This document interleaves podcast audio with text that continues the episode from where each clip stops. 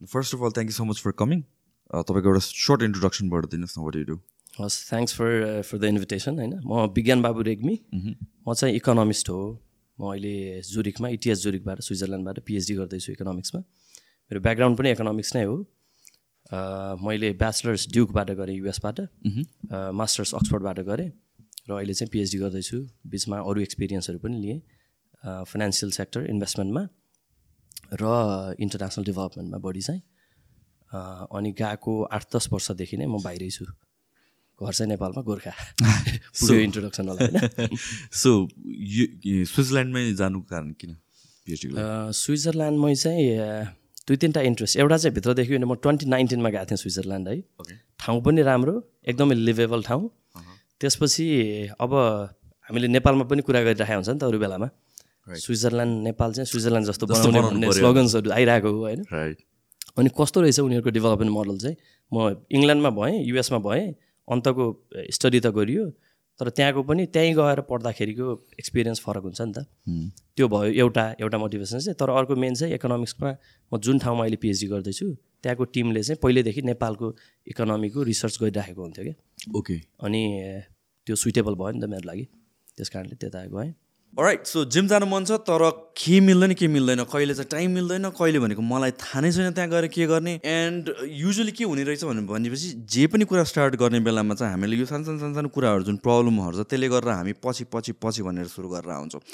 Start today हप्ताको छ दिन जानु सकिँदैन हप्ताको दुई दिन जानु हप्ताको तिन दिन जानु दुई घन्टा वर्कआउट गर्नु सक्दैन आधा घन्टा वर्कआउट गर्नु। तर स्टार्ट गर्ने भनेको चाहिँ आज हो थोरैबाट स्टार्ट गर्ने हो र बिस्तारै बिस्तारै बिस्तारै बिल्ड गर्दै लग्ने हो। Remember Rome wasn't built in a day neither will your body be built in a day so त्यो कारणले गरेर चाहिँ तपाईँ टाइम लिनुहोस् थोरैबाट सुरु गर्नुहोस् and for that the physique workshop छ द फिजिक वर्कसप चारवटा लोकेसनमा महाराजगञ्ज मैदेवी बानेश्वर र कुमारी पार्टी। यहाँ नम्बरहरू छ। अहिले टु डेज फ्री ट्रायल दिइरहेको छौँ where you can walk in to the gym त्यहाँ गएर एक्सर्साइज गरेर हेर्नुहोस् ट्रेनरहरूसँग कन्सल्टेसन गर्नु फर फ्री एन्ड तपाईँलाई जोइन गर्न मन नलाग्यो भने जोइन नगर्नुहोस्। तर if you like it if you want to join अहिले डिस्काउन्ट्सहरू पनि छ।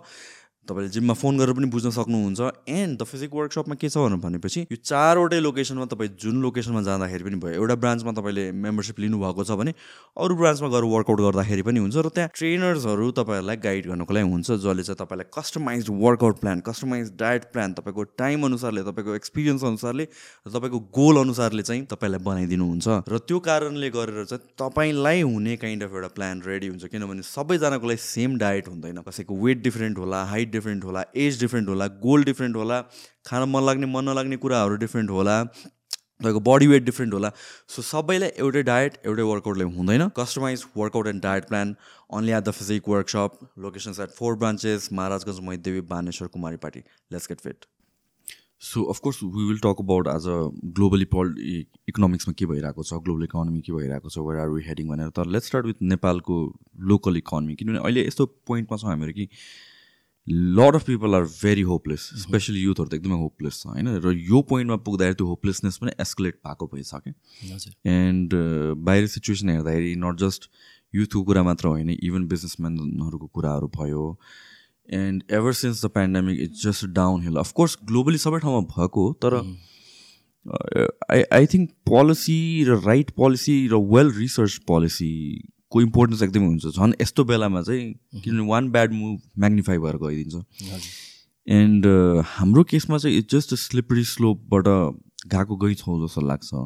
न त्यो मलाई मात्र लागेको हो कि इन जेनरल सिनेरियो के छ अहिले यहाँ मार्केटको होइन तपाईँको रिडिङ त्यो ठिक नै हो होइन। अहिले मार्केटमा एक किसिमको सेन्टिमेन्ट अलिकति पेसिमेस्टिक सेन्टिमेन्टहरू चाहिँ छ होइन।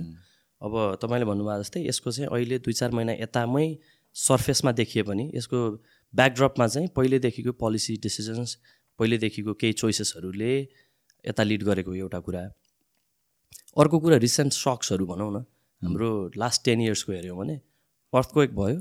अर्थक्वेकको recovery recovery as an reconstruction मात्र होइन। इकोनोमिक रिकभरी लगभग पुरा नहुँदै भयो। होइन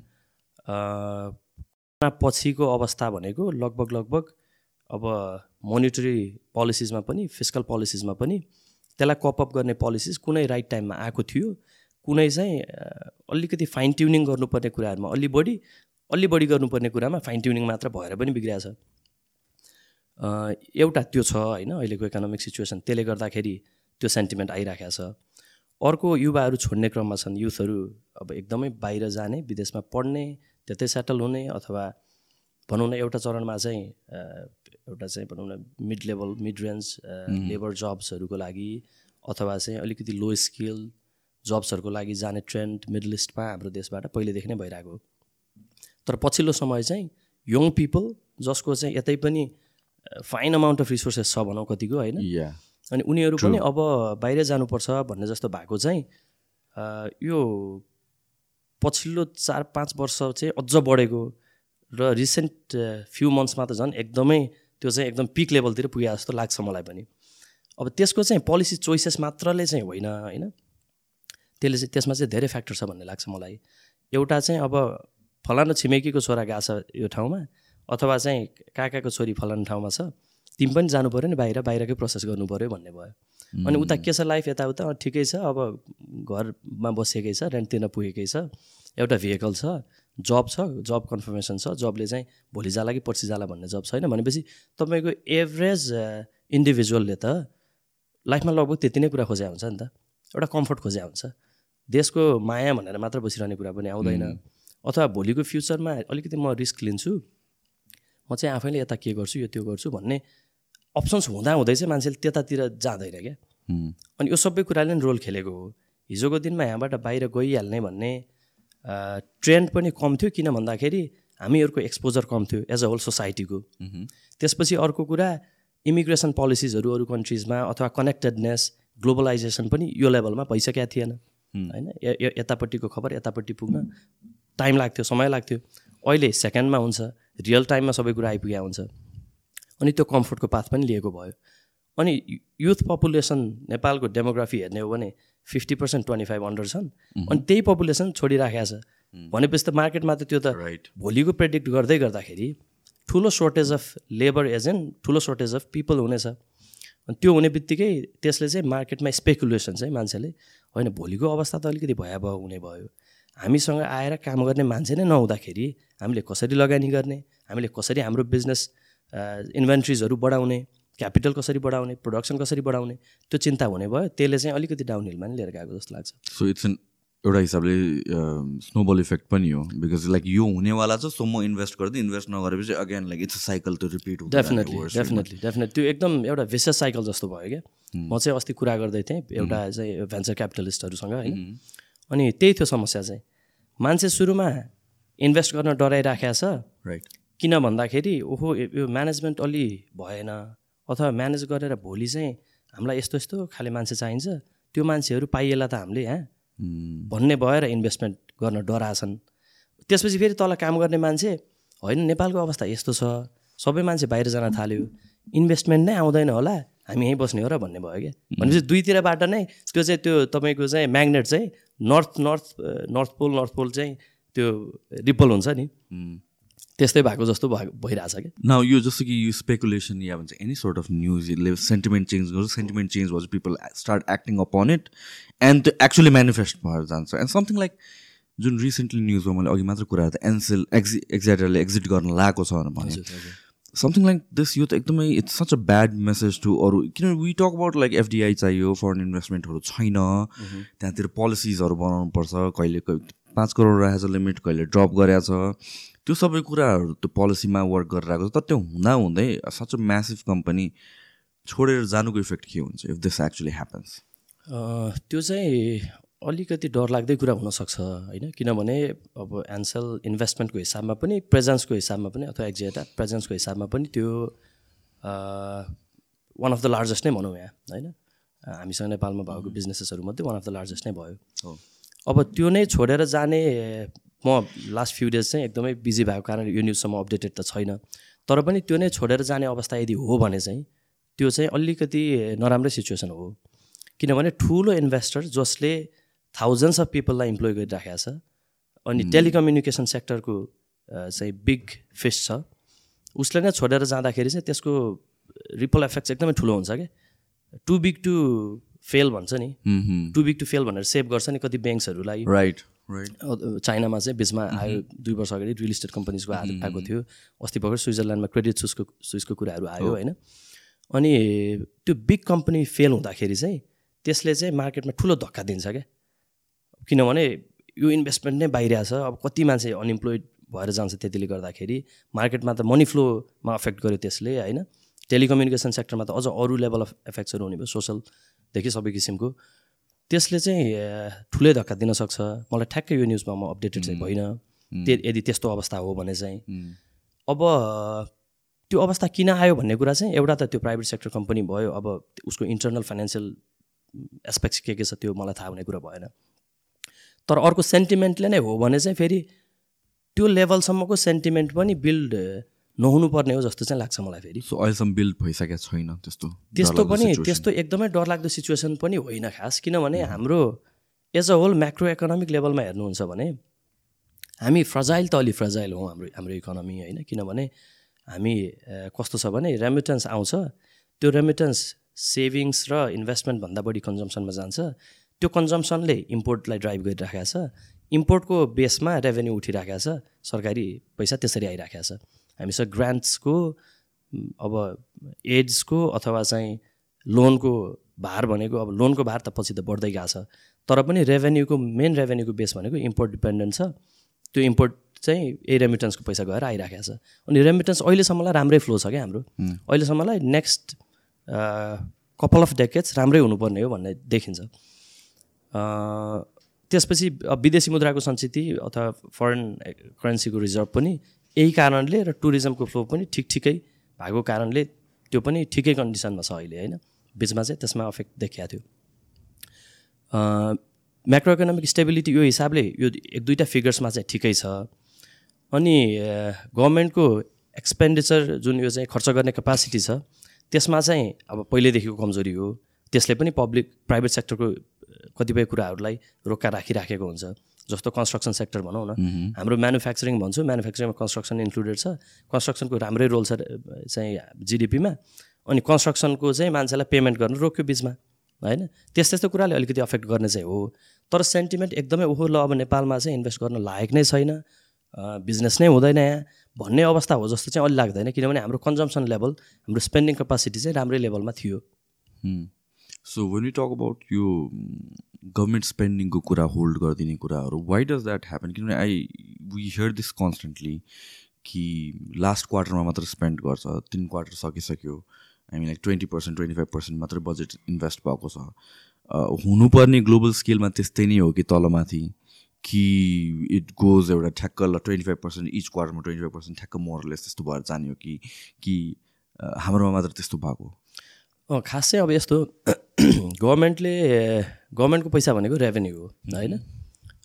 रेभेन्यू हाम्रो पछिल्लो दुई वर्ष जतिमा दुईवटा आर्थिक वर्षहरूमा चाहिँ अलि नराम्रोसँग अन्डरसुट गरेको थियो। त्यो रिभाइज बजेट सुरुको बजेटमा जति प्रोजेक्ट गरेको हो त्योभन्दा अन्डरसुट भएको थियो। अब यसपालि पनि रेभेन्यूको एक्सपेक्टेसन एकदम हाई छ। तर त्यो मिट नहुने चान्सेस छ। भनेपछि गभर्मेन्टले एक्सपेन्डिचर अथवा जति पनि बजेटमा राखेको कार्यक्रम हुन्छ बजेटमा जस्तो आएर बेगेको अनुमान भनिन्छ नि आउने यति जति हुन्छ र हाम्रो खर्च यति जति हुन्छ भनेर गरेको हुने भयो होइन। त्यसरी चाहिँ आकलन गरायो हुने भयो। अनि अब अहिले पनि सत्र सय पचास अर्बभन्दा बढीको छ होइन। अनुमान त्यति चाहिँ बजेट लिएर आएको छ त्यति खर्च गर्न सकिन्छ भनेर। अब सत्र सय पचास अर्बको खर्च गर्न सकिन्छ भनेर बजेट आउँछ। अनि तपाईँको रेभेन्यू उठ्छ बाह्र सय अर्ब भनेपछि त लोन पनि बढ्दै जाने भयो अनि सरकारको खर्च गरे अनुसार उसले पेमेन्ट गर्नलाई पैसा नपुग्ने भयो। कन्स्ट्रक्सनमा पनि बिचमा देखिएको त्यही हो। सरकारी ढुकुटीमा राजस्व सङ्कलन हेर्ने हो भने अन्डरसुट गरिराखेको छ अनि एक्सपेन्डिचर चाहिँ एउटा समयमा वात्त कन्स्ट्रक्सनमा बढ्यो। अनि अस्तिको प्रेसर भनेको चाहिँ फेरि के हो भने तपाईँको हाम्रो कन्स्ट्रक्सन सेक्टरमा पनि बढी पेमेन्टहरू दिनुपर्ने यो आर्थिक वर्षको अन्त्यतिर हुन्छ। काम पनि त्यो बेलामा बढी भइराखेको हुन्छ। अनि त्यही बेलामा गभर्मेन्ट रेभेन्यू अन्डरसुट गरिराखेको छ। अनि पेमेन्ट रोकाहरू हुने भयो त्यो कारणले। त्यसले चाहिँ समस्या निम्ति आएको ल्याक अफ रेभेन्यू कलेक्सन नै भन्नु पऱ्यो त्यो रेभेन्यूको अन्डरसुट नै हो त्यसमा चाहिँ। सो जस्तो कि रेभेन्यूको पनि एस्टिमेटेड यति आउँछ भने त्यसमा चाहिँ प्रपर रिसर्चकै बेसिसमा हुन्छ होला नि होइन र? त्यो हुनुपर्ने प्रपर रिसर्चको बेसिसमै हो। तर अब यस्तो हो नि त त्यो कुरा पनि प्रोजेक्सन्स भन्ने कुरा चाहिँ फेरि तपाईँले कुन हिसाबले मोडलिङ गर्नुहुन्छ भन्नेले पनि आयो एउटा कुरा होइन? अब नर्मल्ली नेपालको चाहिँ ट्रेन्ड लास्ट फिफ्टिन ट्वेन्टी इयर्सको ट्रेन्ड हेर्नुभयो भने दस पन्ध्र पर्सेन्ट कुनै समयमा बिस पर्सेन्ट तिस पर्सेन्टसम्मले पनि बढेको छ एकदमै रेयर केसेसमा तर दस पन्ध्र पर्सेन्ट जतिमा बढ्ने हो क्या रेभेन्यू एउटा वर्षबाट अर्को वर्षमा पुग्दाखेरि त्यो बढिराखेको थियो अहिलेसम्म। तर कहिलेकाहीँ चाहिँ गभर्मेन्टले चाहिँ त्यसमा चाहिँ अलिकति ओभर एस्टिमेट गरे गर्ने भयो। बजेट ठुलो चाहिएको छ। बजेटमा धेरै कार्यक्रम समेट्नु पर्नेछ अनि यताको मोडलिङ थोरै अलिकति मार्कअप बढाइदिएर फिफ्टिन पर्सेन्ट जतिको मार्कअप भनौँ न अघिल्लो वर्षको तुलनामा त्यो गरिरहेको ट्रेन्डमा लेट्स चाहिँ ट्वेन्टी पर्सेन्ट जतिले लगभग लगभग यता यस्तो होला हामीसँग रेमिटेन्स बढिराखेको छ। त्यसले गर्दाखेरि इम्पोर्ट अलिकति बढ्ला। त्यो मोडलिङमा थोरै एडजस्ट गर्न मिल्यो। त्यसले गर्दा प्रोजेक्सन्स अलिक बढी आउने हो। तर मोडलिङ त हुन्छ भन्ने लाग्छ अर्थ मन्त्रालयभित्र। सो अगेन जुन मान्छेहरू फ्लो भइरहेको छ स्टुडेन्टहरू स्पेसली होइन? Of course that's a problem but then like त्यसको कन्सिक्वेन्सेस के हो त? आई मिन किन भन्छ? At this point I feel like कतिजना त अपर्च्युनिटी पायो भने बाहिर बस्छु भन्ने नै हो प्रायोरिटी होइन? किन people just want to escape यहाँको इन्स्टेबिलिटी भनौँ या जे भए पनि। If that happens lot of outflow भइरहेको छ and people are not returning back भनेपछि अपार्ट फ्रम पपुलेसन घट्नुबाट भन्दा त्यसको किनभने इकोनोमी कसरी हुने रहेछ भने दिस इज बिकज अराउन्डमा मैले जुन दुई तिन महिना फर्स्ट लकडाउन गरेँ त्यसपछि खोल्यो होइन? Market crazy revenue like every business त्यहाँ बुम भयो त्यतिखेर। अनि अक्रस द वर्ल्ड पनि त्यही देखिएको थियो हाम्रो खुल्नुभन्दा अगाडि। चाइनामा खोल्दा पनि पिपल लाइक हुन्छ नि यो लकडाउन खुल्यो भनेर people are spending a lot and त्यतिखेर मलाई मैले के याद गरेको थिएँ भने चाहिँ यो त अब I don't think people need to be happy because यो त तिन महिना बन्द भएर तिन महिनाको एक्सपेन्सेस एक महिनामा उठ्दाखेरि पो धेरै देखिरहेछ। रेभेन्यू होइन र? र things like economy the way it works it's such a ripple effect हुन्छ र यो इमिडिएट देखिँदैन। मैले त्यतिखेर I was in a panic state किनभने I was posting like this is not it next four to five इयर्समा यसको बल्ल outcome आउँछ भने क्या now we're looking at it हुन त सिरिज अफ ब्याड इभेन्ट्स पनि हो। सो त्यसै गरेर पिपल गोइङ आउट यसको consequences in the next five to ten years चाहिँ के हुन्छ? एकदमै अहिले मलाई लाग्छ हामी चाहिँ इकोनोमिक्सको नम्बर्समा फोकस छौँ जस्तो लाग्छ। प्रायः मैले जस्तो बाहिर डिस्कोर्सहरू हेर्दाखेरि पनि। एक म्याक्रो इकोनोमिक्सको नम्बर्सहरू remittance receipts revenue receipts expenditure यो कुराहरूमै बढी डिस्कसन भइरहेको छ। अनि एउटा कुरा चाहिँ हो डेफिनेटली एज अ होल कन्ट्रीलाई हेर्दाखेरि इकोनोमिक चोइसेसहरू अथवा इकोनोमिक इस्युजहरू डिस्कसनमा आउँछ किनभने त्यसलाई नै अफेक्ट गरिरहेको हुन्छ समाजलाई। तर फेरि अर्कोतिर हेर्ने हो भने हाम्रो कतिपय समस्याहरूको इकोनोमिक प्रब्लम्स भोलिको दिनमा आउन सक्ने इकोनोमिक प्रब्लम्सको कज सोसियल पनि हुनसक्छ क्या। सबै इकोनोमिक कजले मात्रै आउँछ भन्ने छैन। इन्डिरेक्टली इफेक्ट गर्ने भयो एक्ज्याक्टली अनि अब जस्तो यो कुरा सोसल एउटा चाहिँ प्रब्लम भन्ने कि नभन्ने तर पनि एउटा सोसियल ट्रेन्ड सोसियल क्यारेक्टरिस्टिक्स छ अहिलेको यो देखिरहेको जो युथहरू बाहिर जाने कुरा। अनि त्यसले अफेक्ट गर्ने चाहिँ मलाई यदि यही ट्रेन्ड रहिरहने हो भने चाहिँ म्यासिभली अफेक्ट गर्ने देखिन्छ होइन? त्यसको मिटिगेसनहरू त छ तर पनि पहिला अफेक्ट गर्ने कुरामा जाउँ होइन? इकोनोमिक्समा नर्मल्ली एकदमै सिम्पल भाषामा भन्दा हामीले प्रोडक्सन इनपुट्स चारवटा कुरा भन्छौँ। Land labour capital enterprise land भनेको जस्ट फिजिकल ल्यान्ड मात्र होइन कि सर्टन स्पेस जहाँ बिजनेस हुन्छ जहाँ इन्डस्ट्री इस्टाब्लिस हुन्छ होइन? चाहे एउटा सटर भनौँ चाहे एक्चुअल ल्यान्ड प्लट भनौँ। अर्को अब लेबरमा मान्छे नै हुने भयो होइन? मान्छे छैन अब भनौँ न जाँदैछन्। हुँदैन अब भन्ने भइरहेछ एउटा सेन्टिमेन्ट भनौँ न अब युथहरू एकदमै बाहिर गइरहेका छन्। जो जति जान सक्ने छन् उनीहरू गइरहेका छन्। त्यो हुने बित्तिकै लेबरको सर्टेज आउने भयो। इन अल डिफ्रेन्ट स्ट्राटा एकदमै हाई स्किल लेबरदेखि लो स्किल लेबरसम्म भनौँ टेक्निकल कामहरू गर्ने प्लम्बिङको काम वायरिङको काम वेल्डिङको काम गर्ने मान्छेहरू समेत कतिपय ठाउँमा पाउन छोडियो। अहिले नै इफेक्ट दिन थाल्छ अहिले नै इफेक्ट देखिया छ। सो त्यो लेभलको देखि अथवा चाहिँ एकदमै हाइली स्किल्ड होइन? त्यस्तो मान्छेहरू पनि नबस्ने हो कि भन्ने बिजनेस इन्भेस्टर्सहरूमा एउटा सेन्टिमेन्ट बिल्डअप हुने भयो। यो डेमोग्राफिक फ्लाइट भनौँ डेमोग्राफिक डिप्लिसनले गर्दा। अर्को ल्यान्ड पनि हामीसँग सबै ल्यान्ड एक्सेसिबल छैन बिजनेसेसको लागि। काठमाडौँ पोखरामा सटरहरू यताउता अघि मैले भने जस्तै सटरहरूको कुरा त्यो एक्सेसिबल होला। तर कति अब जस्तो गोर्खा मेरो घर गोर्खा गोर्खाको कुनै डाँडामा गएर मैले इन्डस्ट्री इस्टाब्लिस गर्छु भन्न जियोग्राफिकल्ली कनेक्टेडनेस सबै कुराको हिसाबले पनि त्यो फिजिबल भएन। जस्ट बिकज त्यहाँ ल्यान्ड छ भनेर त्यसलाई काउन्ट गर्न मिलेन होइन? त्यसमा पनि हामीसँग अलरेडी चुनौतीहरू छ। लेबरको कुरा अहिले गरियो। क्यापिटलको कुरा जब मान्छे युथहरू बाहिर जाँदैछन् उनीहरू हामीले इम्प्लोइ गर्न सक्ने हाम्रो बिजनेसेसलाई एकदमै राम्रो ग्रो गराउन सक्ने मान्छे नै नहुने हो कि भन्ने स्पेकुलेसन हुँदाखेरि क्यापिटल पनि फ्लो बिस्तारै कम हुँदै जान्छ। अथवा क्यापिटल फ्लाइट नै हुन थाल्ला। पछिल्लो समय ठ्याक्कै एक्ज्याक्ट फिगर्सहरू त आएको छैन। अब क्यापिटल फ्लाइट एकदमै अफिसियल वेमा जान पनि गाह्रो छ नेपालको पोलिसिजले गर्दाखेरि। तर पनि कतिपय इन्भेस्टर्सहरूले अब बाहिर लगानी गर्न थाले। अथवा इभन एउटा नर्मल हाउस होल्डले पनि बाहिरै घर किन्ने कोही आफ आफ्नो आफन्त छन् भने अथवा बाहिरै पैसा पठाउने हुन थाल्यो भन्ने कुरा आइरहेको छ होइन? सो क्यापिटल फ्लाइटमा अफेक्ट गर्ने भयो। अर्को अन्टरप्राइज भनेको चाहिँ तपाईँले यो तिनवटा फ्याक्टर्स अफ प्रोडक्सनलाई यो ल्यान्ड लेबर क्यापिटललाई म्यानेज गरेर बिजनेसेस गर्ने तौर तरिकालाई एन्टरप्राइज भन्ने हो। अनि त्यो गर्ने त आखिर मान्छेलाई नै हो फेरि होइन? अनि त्यसमा पनि कमी आएपछि यो सबै फ्याक्टर्स अफ प्रोडक्सनलाई अफेक्ट गर्ने भयो नि त मान्छे नभएपछि त। अनि त्यो कारणले चाहिँ मार्केटलाई स्ट्रिङ्क गराउँदै लिएर जाने हो कि भन्ने समस्या हो। सो अहिलेको समस्यामा यो हो। तर अहिले मैले भने मिटिगेसनको उपायहरू अथवा यसको सोल्युसन के छ त?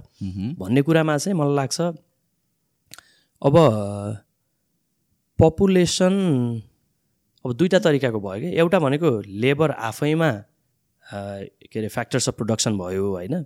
सो राम्रो labour good amount of labour चाहिन्छ ग्रोथ गराउँदै जानलाई। तर फेरि अर्को चाहिँ अर्को तरिका चाहिँ के भयो भने लेबरको साइज स्ट्रिङ हुन्छ भने हामीले टेक्नोलोजीमा बढी इन्भेस्ट गर्नु पऱ्यो र जति लेबर हामीसँग अभाइलेबल छ उनीहरूलाई अपस्किल गराउँदै लिएर जानु पऱ्यो होइन। स्किल लेबर प्रोडक्सन बढाउँदै जानु पऱ्यो सो द्याट उनीहरूको प्रोडक्टिभिटी बढ्छ। अथवा सिम्पल हिसाबले भन्दाखेरि तपाईँले चाहिँ तिन घन्टामा अथवा नौ घन्टामा केही काम गर्न सक्नुहुन्थ्यो तपाईँले। सबैजना हुँदा नौ नौ घन्टा लाग्थ्यो यो काम गर्नलाई। अब मान्छे थोरै छन् भनेपछि त्यही कामलाई कसरी पाँच घन्टामा गर्न सकिन्छ बनाउनु पऱ्यो त्यसको लागि टेक्नोलोजीमा इन्भेस्ट गर्नु पऱ्यो मान्छेमा स्किल बढाएर प्रोडक्टिभिटी गेन गर लिनु पऱ्यो सो त्यो चाहिँ मिटिगेसन उपाय हो त्यो लङ टर्म स्ट्राटेजीको कुरा भयो होइन? एउटा। अर्को चाहिँ हामीले इकोनोमीलाई रिओरिएन्ट गर्नु पऱ्यो त्यो हुँदाखेरि। कहाँ चाहिँ लेबर इन्टेन्सिभ होइन कि? टेक्नोलोजी इन्टेन्सिभ होइन? लेबर इन्टेन्सिभ कामहरूभन्दा टेक्नोलोजी इन्टेन्सिभ कामहरूमा बढाउने जस्तो आइटीको कुरा आइरहेको छ पछिल्लो समय। आइटी रेभेन्यू यो आइएडिएस लगायत अरूले गरेको रिसर्चमा I think five hundred million dollars चाहिँ आइटीबाट रेभेन्यू आएको भन्ने कुरा छ विच इज भेरी पोजिटिभ होइन? सो इभन दो हामीसँग लेबरको साइज लेबरको पुल स्ट्रिङ्क हुँदै गए पनि त्यो सेक्टरको लेबर चाहिँ हामीसँग अभाइलेबल भइराख्यो र यहीँ सस्टेन गर्ने भयो भने that might be one good pillar for the economy होइन? सो त्यसरी रिओरिएन्ट गराउने अर्को मिटिगेसन उपाय भयो। अर्को एकदमै लङ टर्ममा सोचेर हामीले कृषिको कुरा गरे हुन्छौँ ऊर्जाको कुरा गर्छौँ टुरिज्मको कुरा गर्छौँ तर त्यसमा चाहिँ त्यो त्यो कुरै मात्र भइराखेको छ क्या बढी। अनि त्यसलाई एक्चुअली हामीले ट्वेन्टी थर्टीसम्म ट्वेन्टी फिफ्टीसम्म प्रोजेक्सन्स गरेर कति चाहिँ लिएर आउने त्यसलाई हामीले के प्रिपेरेसन गर्नुपर्छ? अलमोस्ट रिभर्स इन्जिनियरिङ टाइपको के? हाम्रो गोल आउटकम यति हो यो फिजिबल हो फेरि। हावा गफ होइन यो फिजिबल हो। र यसलाई हामीले त्यहाँसम्म पुर्याउन आजको दिनबाट यो यो पोलिसिज लिएर गर्नुपर्छ भनेर पोलिसी डिसिजन्स नै लिनु पऱ्यो सो जस्तो कि मिटिगेसनको कन्टेक्समा चाहिँ मसिन्सहरू या भन्छ चाहिँ अटोमेसन इन्टिग्रेट गर्ने कुरा आयो होइन? So would that be in a sense long रनमा हेर्दाखेरि closing doors for people in the future जस्तै फर इक्जाम्पल अहिले आउटफ्लो बेसी छ वान्स वी अडप्ट मसिन्स अनि त्यसपछि टेक्नोलोजी युज गरिसकेपछि त त्यो त it's like shutting down the doors for फ्युचरमा कोही फर्केर आउनेवाला छ या भन्छ त्यो? किन लेबर नै चाहिने भयो नि त इभेन्चुली सो त्यो कन्भर्सेसन अर्को साइकलमा पुगेर जाने हो कि फेरि अगेन होइन यो चाहिँ इन्ट्रेस्टिङ केस छ अब जस्तो वेस्टर्न कन्टेक्समा पनि यो एकदमै कुरा भइरहेको कुरा होइन? जस्तो चाहिँ अब अस्ति जुरिकमा मेरो गेस्ट आउनु भएको थियो अस्ट्रेलियाबाट। होटल छ होटलमा नो स्टाफ एट अल जस्तो त्यो अरू लन्ड्रीहरू गर्ने यताउता त्यो क्लिनिङ गर्ने स्टाफ बाहेक चेक इन रिसेप्सनमा नो स्टाफ होइन? जस्ट चाहिँ अब कम्प्लिटली डिजिटल होइन self check in completely digital अब त्यसले लेट्स चाहिँ दुईजनाको त दुईजना त अनइम्प्लोइड भएको जस्तो देखियो देख्दाखेरि। तर फेरि त्यही टेक्नोलोजी बनाउनलाई अरू चारजनाले इम्प्लोइड भए कि अथवा उनीहरूमा गयो कि त्यो पैसा होइन? डेफिनेटली एउटा केस हो कि त्यसले as an individual bottom up लेभलमा हेर्दाखेरि मान्छेहरूलाई प्रेसर दिएको छ। जुन टेक्नोलोजी एआई मसिन मेकानाइजेसन सबै कुराले गर्दाखेरि चाहिँ एउटा प्रेसर चाहिँ दिएको छ होइन? इन्डिभिजुअल्सलाई मेरो स्किल पनि त्यहाँ पुर्याउँदै लिएर जानु पऱ्यो। म लो स्किल भयो भने त मार्केटमा नबिग्ने भयो भन्ने। तर कस्तो हुने रहेछ भने सेभेन्टी एटिजतिर नि यो कुरा चल्थ्यो अरे वेस्टतिर होइन? जो जति बेला चाहिँ इन्टरनेटहरू आउँदै थियो होइन. सोसियल मिडियाहरू भइराखेको थियो। त्यसले चाहिँ यसले त अब ठुलो अफेक्ट गर्ने भयो। अब सोच्नु इन्टरनेट आफैमा त कति बिग थिङ कतिजनाको रोजगारी खाएको होला इन्टरनेटको इन्टरनेट आएर होइन? अनि तर त्यो चाहिँ एकदम सर्ट टर्ममा चाहिँ देखिन्छ त्यसको अफेक्ट होइन?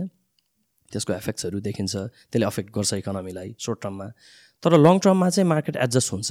किनभने फ्री मार्केटको कन्सेप्ट भनेकै तपाईँको जहाँ अपर्च्युनिटी देखिन्छ त्यहीँ बिजनेसेसहरू आउँछन् कम्पिटेटिभ मार्केटमा अनि त्यो हुने बित्तिकै मार्केट आफै कुसन बनेर इन्डिभिजुअल्स बटम अप लेभलमा मान्छेहरूको तयारी भइरहेको हुन्छ।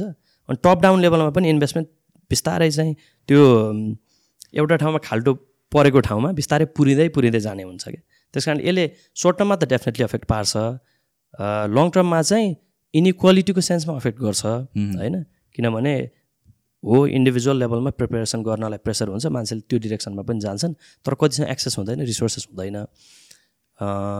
अफेक्ट चाहिँ पार्छ तर त्यो नै मोस्ट अब यो चाहिँ प्रब्लमेटिक सिचुएसन त्यो नै हो अथवा त्यो चाहिँ एकदमै वरिङ हो भन्ने चाहिँ अहिले लाग्दैन मलाई So in general, I mean, like that's how it works. World, when you have to adapt to, I mean, like whatever is changing around you, and you cannot stay stagnant. भन्ने definitely. तपाईँको चाहिँ एकदमै जस्तो दुई चार सय वर्षको history हामीले हेऱ्यौँ भने त इन्डस्ट्रियल रिभोल्युसन भनौँ न ल होइन? इन्डस्ट्रियल रिभोल्युसन अगाडि इन्डस्ट्रियल रिभोल्युसन पछाडिको कुरा वर्ल्ड वारको कुरा अ, त्यसपछि चाहिँ नि सेकेन्ड वर्ल्ड वार यी सबै त ठुलो सक्सहरू हो नि त। अनि त्यहाँ केही न केही चाहिँ जोडिएर आएको कुरा छ इकोनोमीमा तर पनि मार्केट लङ रनमा एडजस्ट हुँदै गएको छ। यसमा चाहिँ तपाईँको दुइटाको थियोरी छ क्या खास यो माल्थस थोमस माल्थस भन्नेको चाहिँ उसको थ्योरीले चाहिँ के भनेको भने भनौँ न माल्थसको माल्थसियन थ्योरीले चाहिँ यो पपुलेसनसँग रिलेटेड कुरा। पपुलेसन र रिसोर्सेस पपुलेसन चाहिँ एउटा टाइममा ग्लोबल पपुलेसनकै हिसाबमा एउटा टाइममा यसरी पिक लेभलमा पुग्छ कि? रिसोर्सेसको ग्रोथ र फुडको ग्रोथ एग्रिकल्चर र अरू रिसोर्सेसको ग्रोथ र पपुलेसन ग्रोथ एउटा पोइन्टमा मिट हुन्छ र पपुलेसन ग्रोथले सरपास गर्छ। जुन लेभलमा एग्रिकल्चरल प्रोडक्सन अथवा चाहिँ रिसोर्सेसको ग्रोथ हुन्छ त्योभन्दा त्यो एरिथमेटिक लेभलमा हुन्छ भने यो जियोमेट्रिक लेभलमा पपुलेसन ग्रोथ हुन्छ। जियोमेट्रिक रेटमा त्यो सरपास गरेपछि त्यहाँ चाहिँ क्याटास्ट्रोफिया हुन्छ।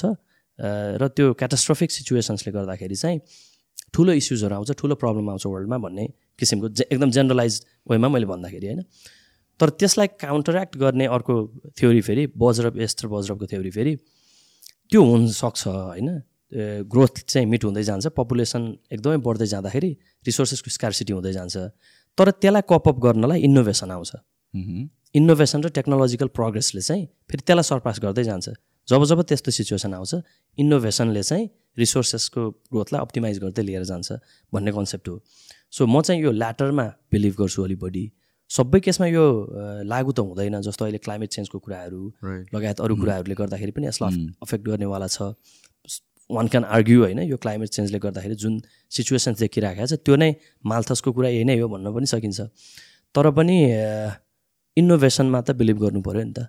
इनोभेसनले प्रोडक्टिभिटी बढाउने कुरा होला अथवा अहिले मैले भनेको जस्तो त्यो खाल्डो पुर्दै जाने कुरा होला त्यसरी नै ग्रोथ हुने हुन्छ नै जस्तो लाग्छ। So जुन कन्टेक्समा हामी अहिले छौँ so यसको सल्युसन चाहिँ के हो? Like do you see it getting worse than this कि दिस इज वेयर एउटा पिक पोइन्टमा हामी सेचुरेसन लेभलमा पुग्छौँ कि यहाँबाट रिभर्स हुन्छ? Of course with the right policies त्यो र what is most likely scenario अहिलेको एभ्रिथिङ हेर्दाखेरि चाहिँ? अब म नर्मल्ली चाहिँ अप्टिमिस्टिक नै हुने मान्छे हो होइन? म चाहिँ अलिकति अप्टिमिजमले पनि मार्केटले ड्राइभ गरिरहेको हुन्छ भन्ने मान्छे हो जति धेरै पोजिटिभ मेसेज सर्कुलेट गर्न सक्यो। त्यति राम्रो नै गर्छ मार्केटलाई भन्ने हो किनभने त्यो बिहेभियरल इकोनोमिक्समा पनि छ क्या त्यो कुरा। एनिमल. स्पिरिट होइन? स्पेकुलेसन अहिले पनि कुरा गर्यो त्यसलाई अफेक्ट गरिरहेको हुन्छ। तर फेरि कतिपय कुरामा रियलिस्टिक पनि हुनु पऱ्यो अप्टिमिस्टिक मात्र भएर त भएन। अनि अब यसमा चाहिँ गुड न्युज कमिङ अहिले। एक्सप्लेन गरेको हिसाबले। प्रिपेयर गराएको अनि अब यस्तो छ सल्युसन हुँदै नभएको चाहिँ होइन होइन? अघि पनि भन्यो नि अलिकति लङ टर्म स्ट्राटेजिजहरू बनाएर थोरै इकोनोमिक रिस्ट्रक्चरिङ जस्तो हामीले कजबाट हेर्नु पऱ्यो नि त। अघि भन्यो एउटा लेभल अफ पपुलेसन चाहिँ बाहिर गइरहनुको कारण चाहिँ के हो भन्ने कुरा पत्ता लगाउनु पऱ्यो। जुन आफैमा it's a difficult job definitely होइन? जस्ट तपाईँ र म चाहिँ यहाँ बसेर यहाँ युवा चाहिँ बाहिर गइरहेछ नेपालमा केही नभएर गइरहेछ भनेर मात्र it's not as simple as that होइन? किनभने कतिपय कुरा चाहिँ एघार बाह्रमा पढेको मान्छे एघार बाह्रमा पढेको भनेको त बच्चै जस्तो भनौँ न. होइन? एघार बाह्रमा decision. होइन एघार बाह्रमा पढेको बच्चाले उसले क्यालकुलेट गरेर पेन पेपर लिएर दुई मिनट सोचेर पनि डिसिजन लिएको हुँदैन. उसले म चाहिँ अब बाह्र सक्छु आइल्स गर्छु अस्ट्रेलिया जान्छु अथवा क्यानाडा जान्छु युएस जान्छु। त्यो एकदमै सिधै डिसिजनमा पुगेको छ क्या। इन्स्टाग्रामले त्यहाँ एकदम बुस्ट गर्दा एकदमै एकदमै बुस्ट गरिदिएको छ है। सिधै डिसिजनमा पुगेको छ म यो गर्छु भनेर। I'm not blaming them right it's their choice होइन at the end of the day it's their choice तर I think it helps to think through that process before finalising that decision hundred percent lot of people I see जो बाहिर गएको छ without a proper plan है I mean they are having a really hard time if you look at स्टुडेन्ट्सहरू if you talk to students who are in Australia specially बिहान छ बजीदेखि राति दस बजीसम्म काम गरेछ डबल सिफ्ट गरेछ यताउता pretty much like personal life भनेको छ नि they're barely making meet ends meet होइन सो त्यो सिचुएसन छ अनि that's my belief as well I mean बाहिर जानु इन इट सेल्फ नराम्रो होइन। होइन पहिला सुरु त like before country and everything I think at this point सबैजनाले आफ्नो बारेमा सोच्छ and rightfully so as well तर आफ्नो बारेमा सोच्दाखेरि पनि एउटा प्रपर प्लान र proper like whatever is happening भनेर रिसर्च गरेर बुझेर चाहिँ गयो भने चाहिँ आई थिङ्क मोर अलिक सजिलो होला कि एउटा सफ्ट ल्यान्डिङ पाउला कि भन्ने हिसाबले चाहिँ हो सो त्यसको लागि मात्र भए पनि एउटा इन्फर्म डिसिजन चाहिँ हुनु पऱ्यो। रादर देन अगेन यहाँ यो कुरामा स्पेकुलेसन त भयो नि त यो पनि।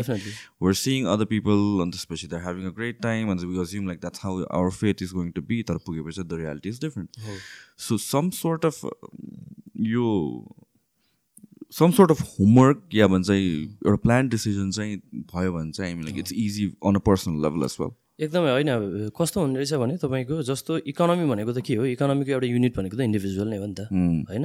तपाईँ र मेरो ट्रान्ज्याक्सन तपाईँ र अर्कोको ट्रान्ज्याक्सन मेरो अर्को जोडिँदै जोडिँदै जोडिँदै गएर नेसनल जिडिपी त त्यसरी नै बन्ने हो।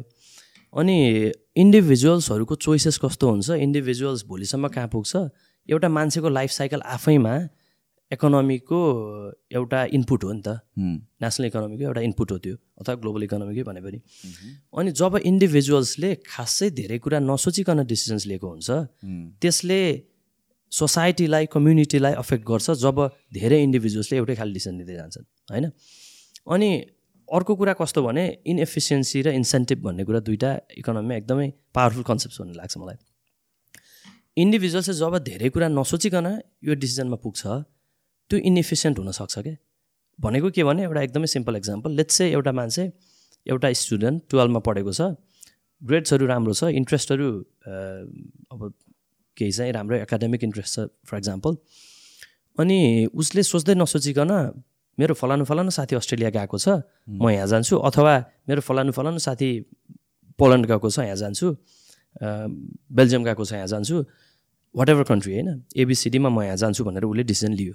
होइन किनभने उसले अरूलाई हेरेर डिसिजन लियो उसको इन्स्टा फिड हेरेर डिसिजन लियो साथीहरूको स्न्याप हेरेर डिसिजन लियो वाट एभर तर वाट इफ यो इन्डिभिजुअल चाहिँ क्यालिबर छ एकदमै राम्रो उसको एकाडेमिकमा इन्ट्रेस्ट पनि छ उसले चाहिँ अलिकति ट्राई गर्ने प्रोसेस सबै बुझ्ने भने एकदमै लेट्स चाहिँ हार्वर्ड जान सक्छ अ, अथवा अर्को कुनै राम्रो टप युनिभर्सिटीमा जान सक्छ अथवा उसको इन्ट्रेस्ट के हो त्यो इन्ट्रेस्टमा राम्रो पढाइ भएको ठाउँ भोलि पनि राम्रो अपर्च्युनिटी प्रोफेसनल ग्रोथ हुने ठाउँमा जान पाउँछ। उसले त्यतातिर त सोच्नै पाएन नि त। सोच्दै सोचेन नि त। उसको डिसिजन आफैमा इनएफिसियन्ट भएन त। उसले थोरै मेहनत गर्दाखेरि थोरै सोच्दाखेरि थोरै एम्बिसियस हुँदाखेरि ऊ जहाँसम्म पुग्न पाउँथ्यो ऊ त्यहाँभन्दा थोरै तल धेरै तल सेटल भएको छ कि?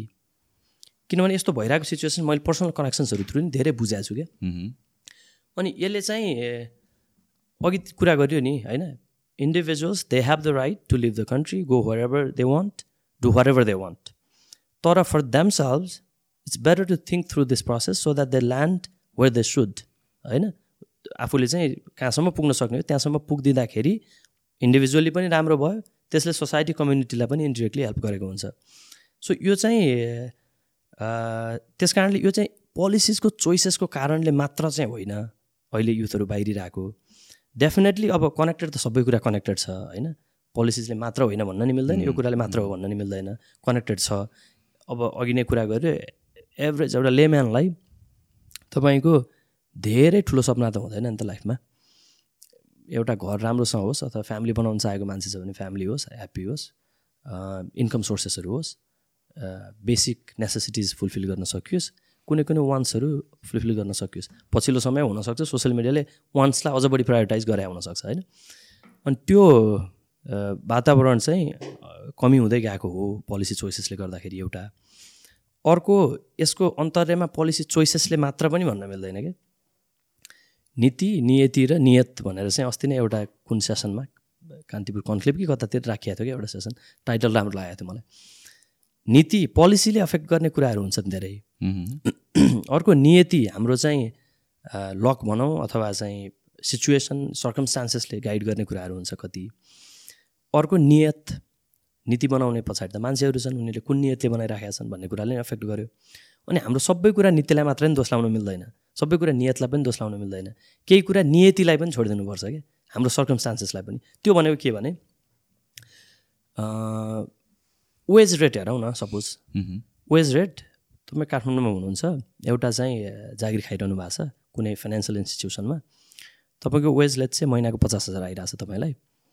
तपाईँले देख्नुभयो क्यानाडामा साथी एउटा गएको अकाउन्टिङको काम गर्ने रहेछ। उसले महिनाको चार पाँच हजार डलर कमाइरहेछ। अनि तपाईँलाई लाग्यो खासै धेरै फरक त होइन उ र ममा। मैले पनि म पनि क्यानाडा जान सक्छु। अकाउन्टिङमा मैले पनि ट्राई गरेँ एक दुइटा चाहिँ सर्टिफिकेसनहरू लिएर मैले त्यहाँ गर्न सक्छु होला। भनेपछि जानु पऱ्यो भन्ने सोच्नुहुने भयो नि तपाईँले। होइन? तपाईँसँग चाहिँ एउटा एभरेज लाइफमा फाइनेन्सियल गेन चाहिँ तपाईँले प्रायोरिटाइज गर्नुहुने भयो विच इज नर्मल अनि यो कुरा चाहिँ फेरि नेपालमा मात्र चाहिँ होइन क्या।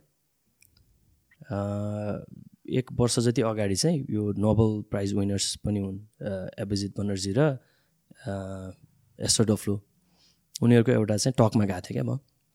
उनीहरूको प्रेजेन्टेसनमा पनि यही थियो। अहिले ग्लोबल माइग्रेसन प्याटर्न हेर्नुभयो भने फाइनेन्सियल गेन चाहिँ रुट कज छ क्या।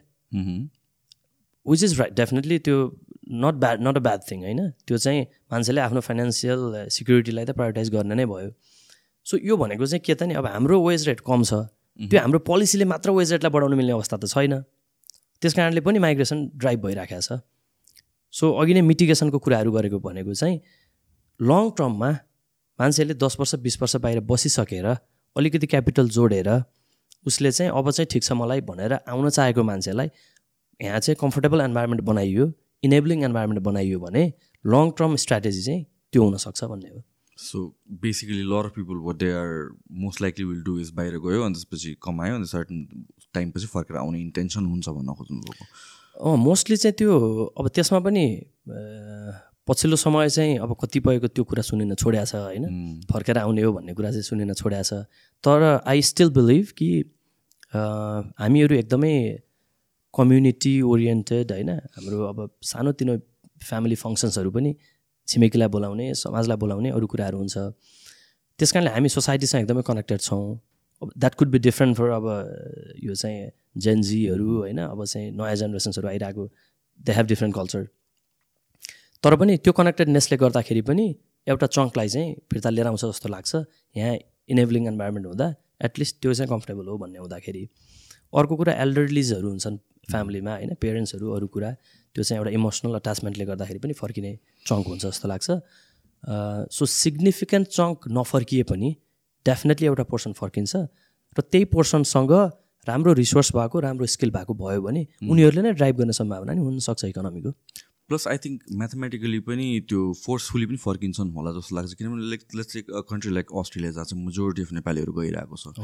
त्यसको पनि क्यापेसिटी त होला एउटा सेचुरेसन पोइन्ट त होला होइन not. Everybody will make it so in in the next four to six years or eight इयर्समा त त्यसबाट पनि कतिजना चङ्क लाइक इभन यहाँ देशसँग लगाओ होस् नहोस् त्यो नभए पनि डिमान्ड एन्ड सप्लाईको कारणले भयो भने फर्केर आउँछन् होला।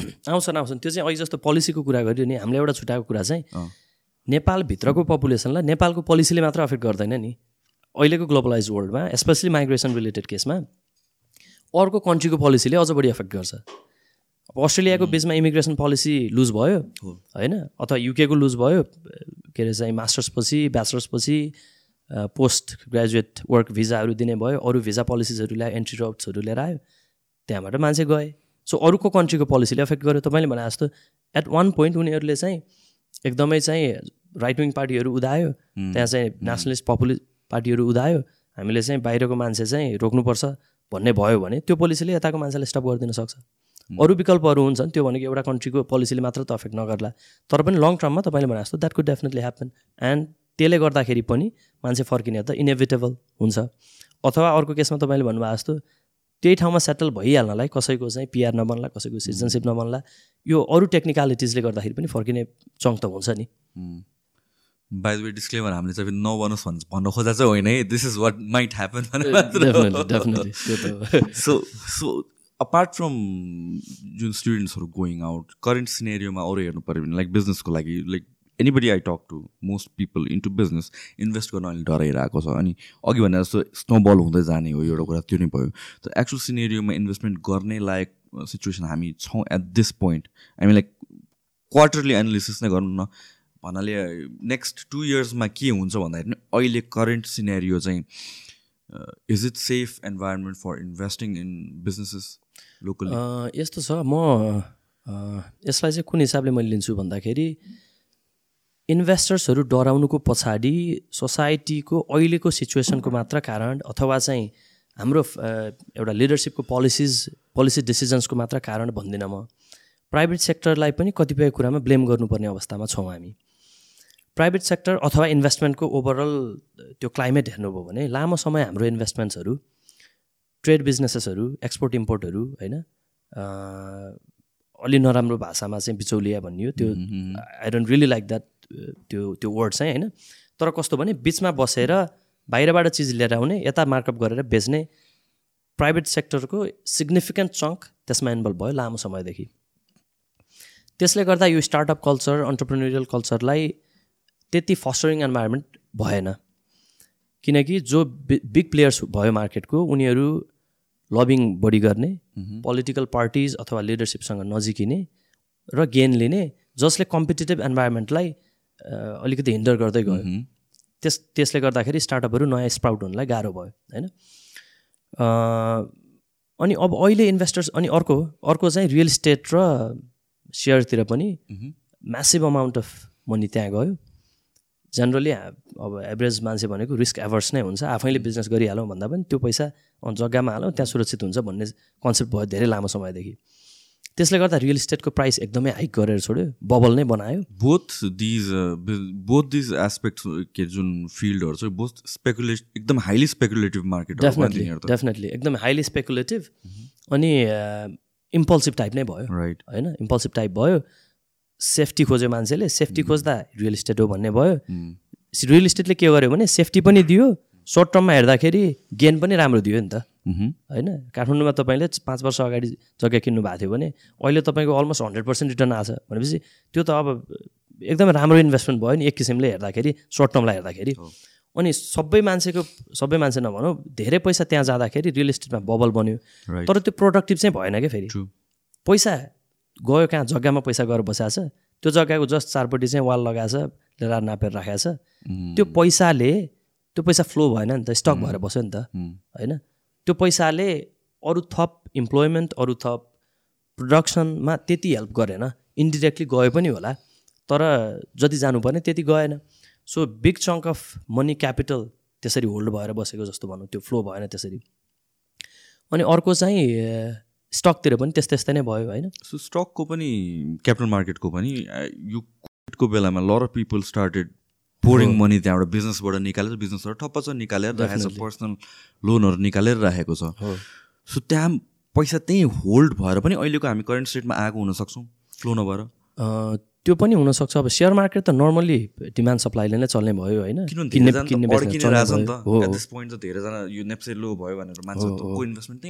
डेफिनेटली होइन त्यसले पनि त्यसमा पनि इन्भेस्टमेन्ट चाहिँ अहिले जस्तो मार्केटमा त्यसले चाहिँ कन्जम्सन इन्भेस्टमेन्टमा अफेक्ट डेफिनेटली गरेको छ।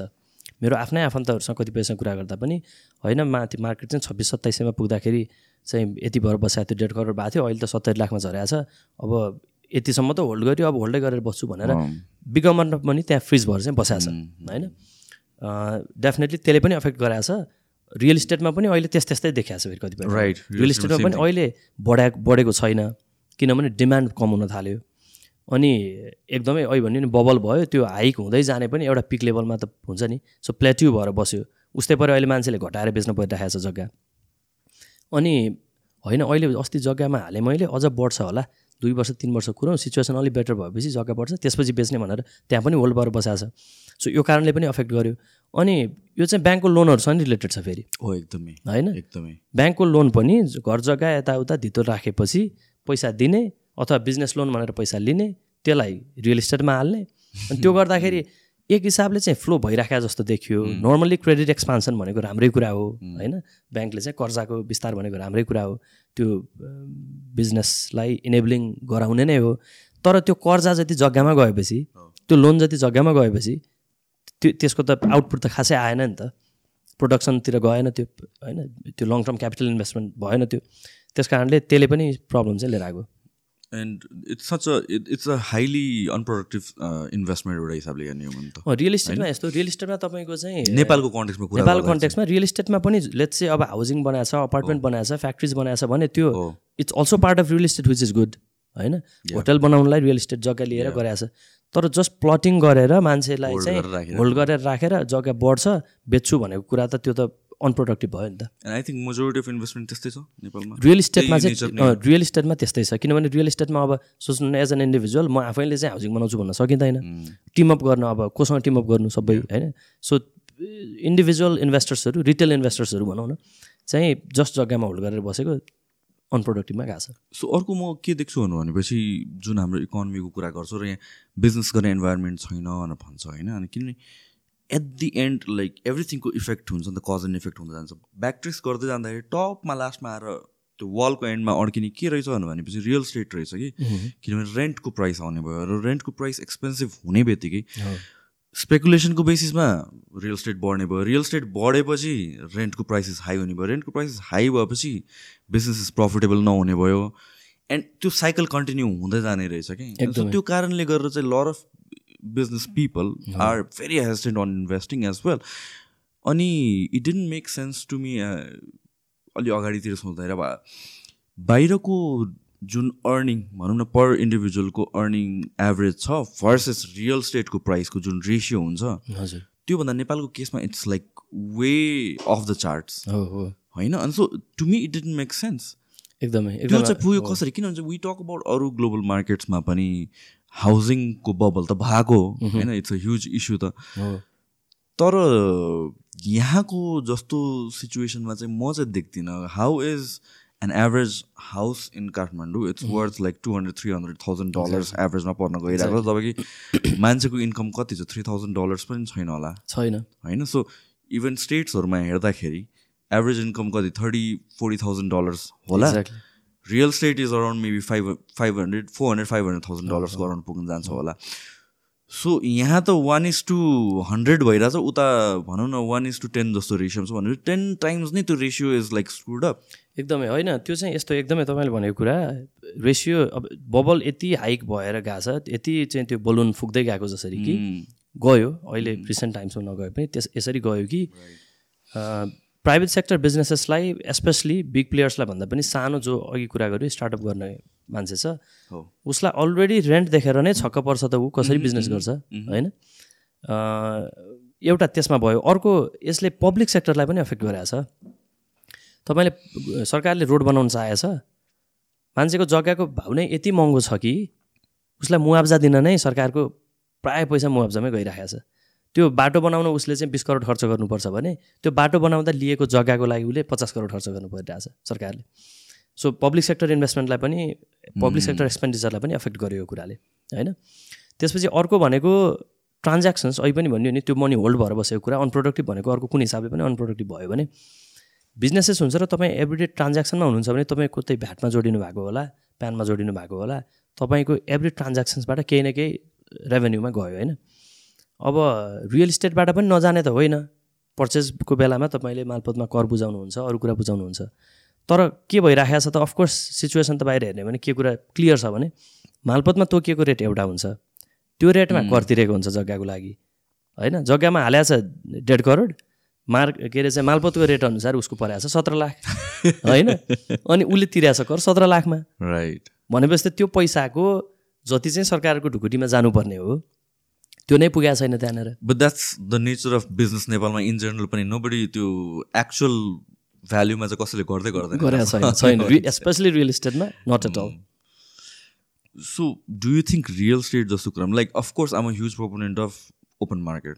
Real estate जस्तो थिङमा र नेपाल जस्तो कन्ट्रीको कन्टेक्समा र यो current सिचुएसनमा there should be a cap or some kind of categorisation or limitation कुन चाहिँ हाउसिङको लागि किन्ने कुन चाहिँ नकिन्ने कुन ठाउँमा कुन चाहिँ प्रोडक्टिभ सेक्टर राख्ने कति I don't know how does it work अरू ठाउँमा होइन डेफिनेटली म पनि फ्री लिबरल मार्केट हुनुपर्छ भन्ने हो। मह्म, तर फ्री लिबरल मार्केट भनेको चाहिँ अनरेगुलेटेड मार्केट होइन नि त। फ्री लिबरल मार्केटमा एउटा इम्पोर्टेन्ट एउटा छ नि स्टियरिङ भनेकै यो रेगुलेसन हो क्या। होइन ओभर रेगुलेसन ठिक छैन तर अन्डर रेगुलेसन पनि ठिक छैन।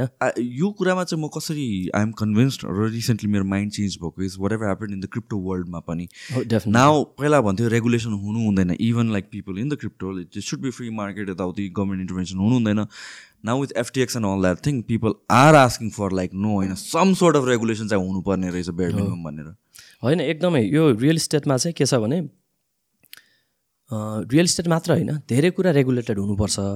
त्यो हामीकोमा मात्र होइन वेस्टर्न कन्ट्रिजहरू जसलाई चाहिँ हामी फ्री मार्केट को हिमायतीहरू भन्छौँ त्यहाँ पनि भइराखेको हुन्छ नि त रेगुलेसन त। त्यहाँ एकदमै माइक्रो म्यानेजमेन्ट जसरी पनि रेगुलेसन भइरहेको हुन्छ एकदमै निस सेक्टर्सहरूमा पनि के होइन? सेक्टर्स त्यो इन्डस्ट्रियल सेक्टर्सको सब सेक्टर्सहरूमा समेत रेगुलेटरी बडी छुट्टै भइरहेको हुन्छ। अब यहाँ रियल इस्टेटमा चाहिँ रेगुलेसन दुईवटा तरिकाले बिग्रेको। एउटा तपाईँले भन्नुभएको जस्तो कुन ठाउँको जग्गा बेचबिखन गर्न मिल्ने।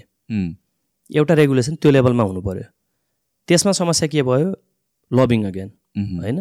बिग प्लेयर्स छ। तपाईँ र मैले इन्डिभिजुअली गएर लबी गर्दा केही नहोला। तर फलानु ठाउँमा नागार्जुन नगरपालिकाको फलानु वडा नम्बरमा म चाहिँ हाउसिङ बनाउन चाहन्छु। अब हामी यस्तो यस्तो टिम छौँ। हामी त्यहाँ हाउसिङ बनाउँछौँ यसरी यसरी गर्छौँ। मेबी इभन फाइनेन्सियल ट्रान्ज्याक्सन्स त्यसरी लबिङ पुग्यो ल त्यहाँ चाहिँ खुलाउनु पऱ्यो भन्ने भयो। खुल्यो। पोलिटिकल लबिङले गर्दाखेरि रेगुलेसन्सहरू इन प्लेस भए पनि त्यो भत्किँदै भत्किँदै गयो अलिकति एउटा। रियल इस्टेटमा त्यो समस्या एउटा भयो। अर्को ब्याङ्किङसँग जोडिया छ। अहिले कुरा गऱ्यो क्रेडिटसँग। त्यसमा ब्याङ्किङ अब अहिले चाहिँ ब्याङ्क्सहरू अलिक डराएको छ फेरि होइन? सो ब्याङ्किङमा प्रब्लम भएको के? किनभने लास्ट कपाल अफ इयर्समा चाहिँ there was a chaos like कति नाइन्टी पर्सेन्ट राख्नुपर्ने। मैले राम्ररी चाहिँ बुझेको छुइनँ। नाइन्टी पर्सेन्ट हुनुपर्ने। पुगेन सम लहरू चेन्ज भयो रुलहरू चेन्ज भयो। त्यसले गरेर चाहिँ मार्केटमा मनी सर्टेज हुन थाल्यो भनेर। त्यो होल सिनेरियो चाहिँ के भएको थियो? खास ब्याङ्किङमा यस्तो हो जस्तो कोभिडको सिचुएसनले गर्दाखेरि पछिको बेलाहरूमा इन्फ्लेसनहरू बढ्दै गयो होइन? त्यो इन्फ्लेसनहरू बढ्दै गएपछि इन्फ्लेसनलाई टेम गर्नलाई इन्ट्रेस्ट रेट बढ्न थाल्यो। इन्ट्रेस्ट रेट बढ्न थालेपछि अटोमेटिकल्ली इन्ट्रेस्ट रेट बढेपछि क्रेडिट एक्सपान्सन त घट्ने हो नर्मली किनभने त्यो त सप्लाई डिमान्डको राइट रुल नै भयो होइन? प्राइस अप छ डिमान्ड तल जान्छ कहिले। अनि सो एउटा ग्रुपले लबी गर्न थाल्यो इन्ट्रेस्ट रेट कम गर्नुपर्छ भनेर। बिजनेस प्राइभेट सेक्टर्सले त्यो नर्मल कुरा भयो लबी गर्ने नै भयो। तर राष्ट्र ब्याङ्कले कडा गरिराख्यो त्यसमा सेन्ट्रल ब्याङ्कले कडा गरिराख्यो गर्न मिल्दैन भनिराख्यो। For some time it was good decision अहिलेको हिसाबले पनि इन्ट्रेस्ट रेट नै कम गरेर मात्र बिजनेस इनेबल हुने भन्ने होइन। सो त्यो कुराको के हो मोस्टली चाहिँ होइन अनि ब्याङ्कमा क्रेडिट एक्सपान्सन बढेको बढै अनि उसँग डिपोजिट कम छ अनि मान्छेले पैसा लिन खोज्दा क्रेडिट बढाएको छ पैसा फिर्ता भएको छैन ब्याङ्कमा अघि भने जस्तो रियल इस्टेटदेखि अन्त होल्ड भइरहेको छ इन्ट्रेस्ट आइरहेको छ प्रिन्सिपल अमाउन्ट आएको छैन।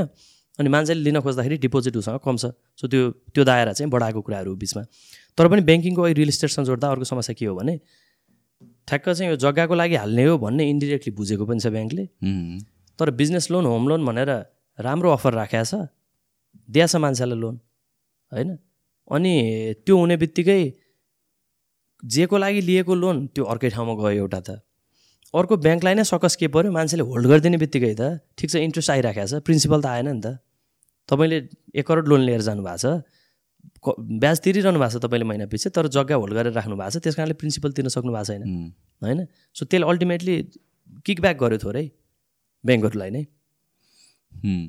सो जुन यो त यो त पोलिसीमा केयरलेसनेस नै हो। किनभने ओपनली थाहा भएको कुरामा पनि यहाँ त यो अलिक टाइट गर्नुपर्ने हो। सो यो सिचुएसन यहाँसम्म चाहिँ कसरी पुग्छ?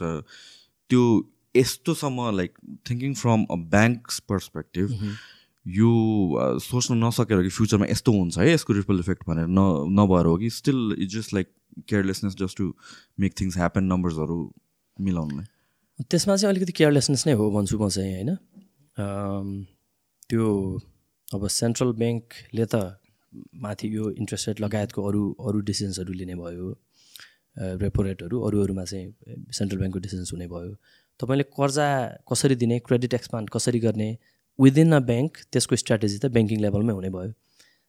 गभर्मेन्ट ब्याङ्क्सहरू पनि छन् हामीसँग तर प्राइभेट ब्याङ्क्सहरूको प्रेजेन्स हेभी छ। सो त्यसमा चाहिँ ब्याङ्किङ म्यानेजमेन्ट लेभलबाट नै अलिकति कमजोरी भएको जस्तो लाग्छ। किनभने नर्मल्ली भइराखेको त्यसरी नै थियो क्रेडिट एक्सपान्ड भइराखेको थियो। डिफल्टिङ इन्डिभिजुअल लेभलमा कम नै भएको थियो होला। त्यो एक्ज्याक्ट फिगर नभए पनि। त्यस कारणले त्यसमा अलिकति केयरलेसनेस नै हो।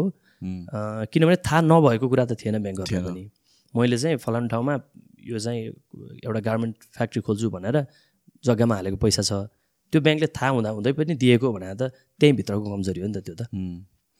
त्यो मात्र होइन अनि अहिले रिसेन्टली अब वी सेट धेरै पोलिटिकल नजाने but then like there are certain group of people saying कि ब्याङ्कको लोन फिर्ता नगरौँ and all that थिङहरू and how does that happen because यो त इकोनोमी भनेको त क्लोज सिस्टम हो। थर्ड पार्टीबाट केही एलिमेन्टभित्र आउने होइन त्यहाँबाट बाहिर जाने होइन। यो just circulate so for someone to not return their loans somebody एल्सले deposit गरेको पैसा फिर्ता आउँदैन। त्यही त हो नि होइन र? इट्स नट द्याट ब्याङ्कले आफ्नो पकेटबाट लोन दिइरहेको त होइन। होइन।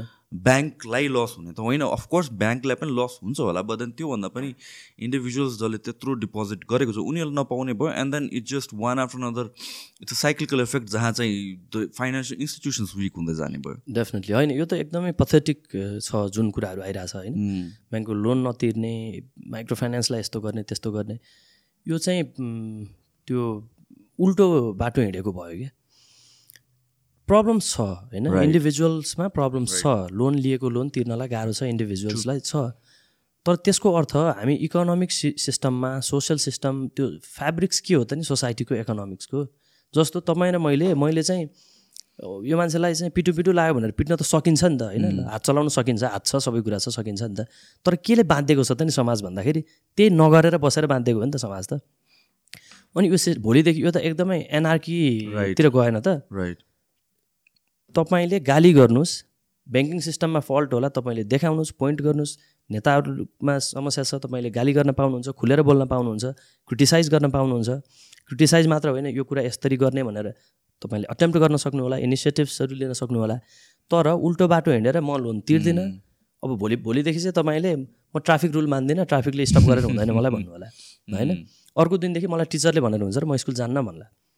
त्यो त हामी हिँड्नु खोजेको बाटो त्यो होइन नि त। प्रब्लम छ भने बसौँ समस्या समाधान गरौँ। इट्स नट द्याट गभर्मेन्टले चाहिँ नो म्याटर वाट के डिफिकल्टी छ थाहा छैन। जुनसुकै कन्डिसनमा लोन लिएको भए पनि तिर्नै पर्छ। भन्ने मात्र होइन। लेट्स चाहिँ कुनै ठाउँमा फिजिबल छ इन्डिभिजुअल्ली गाह्रो परेको छ भने त्यसलाई सल्भ गर्ने त मल्टिपल वेज हुन्छन् नि। सेन्ट्रल गभर्मेन्टले नै डिसिजन लिने भन्ने होइन क्या लोकल लेभलमै पनि कति डिसिजन्सहरू हुनसक्ला के सब्सिडाइज गर्नुपर्ने हुनसक्ला जस्तो चाहिँ यो कोरोनाको बेलामा पनि त रेन्टहरू तिर्नको लागि सब्सिडिजहरू मिल्यो होइन बिजनेसेसहरूलाई अथवा इन्ट्रेस्ट रेटमा इन्ट्रेस्ट रेट पेब्याक पिरियडहरू लम्ब्याइयो। प्रिन्सिपल अमाउन्ट पेब्याक पिरियडहरू लम्ब्याइयो। त्यो धेरै अप्सन्स हुन्छ नि त। तर तिर्दिनँ भनेर हिँड्ने भनेको त एनआरकीतिर भयो त्यो त। अनि त्यसमा सेन्टिमेन्ट बिल्डअप हुँदै जाँदाखेरि चाहिँ त्यसले पनि देखाउँछ कि हामी कता हेड गर्दैछौँ भन्ने क्या। अघि मैले भने अप्टिमिस्टिक नै हुन चाहने हो। तर पेसिमिजम देखिराखेको छ भने त फेरि अप्टिमिस्टिक बनेर मात्र पनि भएन। रियलिस्टिक पनि हुनु पऱ्यो अनि इकोनोमिक्स प्रब्लम इकोनोमिक प्रब्लम्सहरू हुँदा हुँदै पनि यस्तो सोसियल फेब्रिकेसनमा नै हिट गर्ने कुरा हुँदाखेरि चाहिँ त्यसले लङ टर्ममा धेरै ठुलो समस्या निम्त्याउन सक्छ। अनि त्यसलाई अब कसरी चाहिँ यसलाई सल्भ गर्ने भन्ने कुरा फेरि एकदमै च्यालेन्जिङ र सेन्सिटिभ छ क्या। हो। तपाईँ एकदम अथोरिटेटिभ एप्रोच लिएर यो कुरालाई चाहिँ एकदमै कन्ट्रोल गर्छु होइन? आर्म्ड फोर्सेसहरू लगाएर यो लगाएर त्यो गराएर एकदमै टाइट गरेर कन्ट्रोल गर्छु भन्दाखेरि पनि त्यसले लङ टर्ममा फेरि भित्रभित्र बिल्डअप हुँदै गएर झन् ठुलो हिसाबले फैलिन सक्छ। अथवा होइन माग पुरा गर्छु भन्न पनि सकिने अवस्था भएन। भोलि एकदमै अनावश्यक माग लिएर मान्छे आउलान्। सो त्यसलाई डिल गर्नलाई एकदमै गाह्रो छ स्पेसली जब त्यो फोर्स बिल्डअप हुँदै जान्छ ऱ्याडिकल हुँदै जान्छ त्यो फोर्स एनआरकीतिर अझ बढी अग्रसर हुँदै जान्छ भने उग्र हुँदै जान्छ भने त्यो चाहिँ म्यानेज गर्न एकदमै गाह्रो छ। यो चाहिँ बेलैमा यसलाई पोलिटिकल पार्टिजहरू लिडरसिपहरू बसेर डिप्लोमेटिक हिसाबले पनि स्ट्राटेजिक हिसाबले पनि यसलाई फैलिन नदिन केही चाहिँ गर्नुपर्छ। सो अर्को कुरा भनेको कोअपरेटिभ फेलिङ जुन वान आफ्टर अनदर भयो रुट कज के थियो त्यसको? यसमा पनि अघि ब्याङ्किङको भनेको जस्तै त्यसमा अझ एक्सटेन्डेड के चाहिँ के थियो भन्दाखेरि माइक्रो फाइनेन्सहरूले एउटा कुरा कोलाट्रलहरू नहेरिकन लोन दिने गरे कतिपयले होइन? सो माइक्रो फाइनेन्सको एउटा मान्छेहरू माइक्रो फाइनेन्सतिर जानेको एउटा कारण के थियो भने it's easy access easy access exactly easily accessible होइन?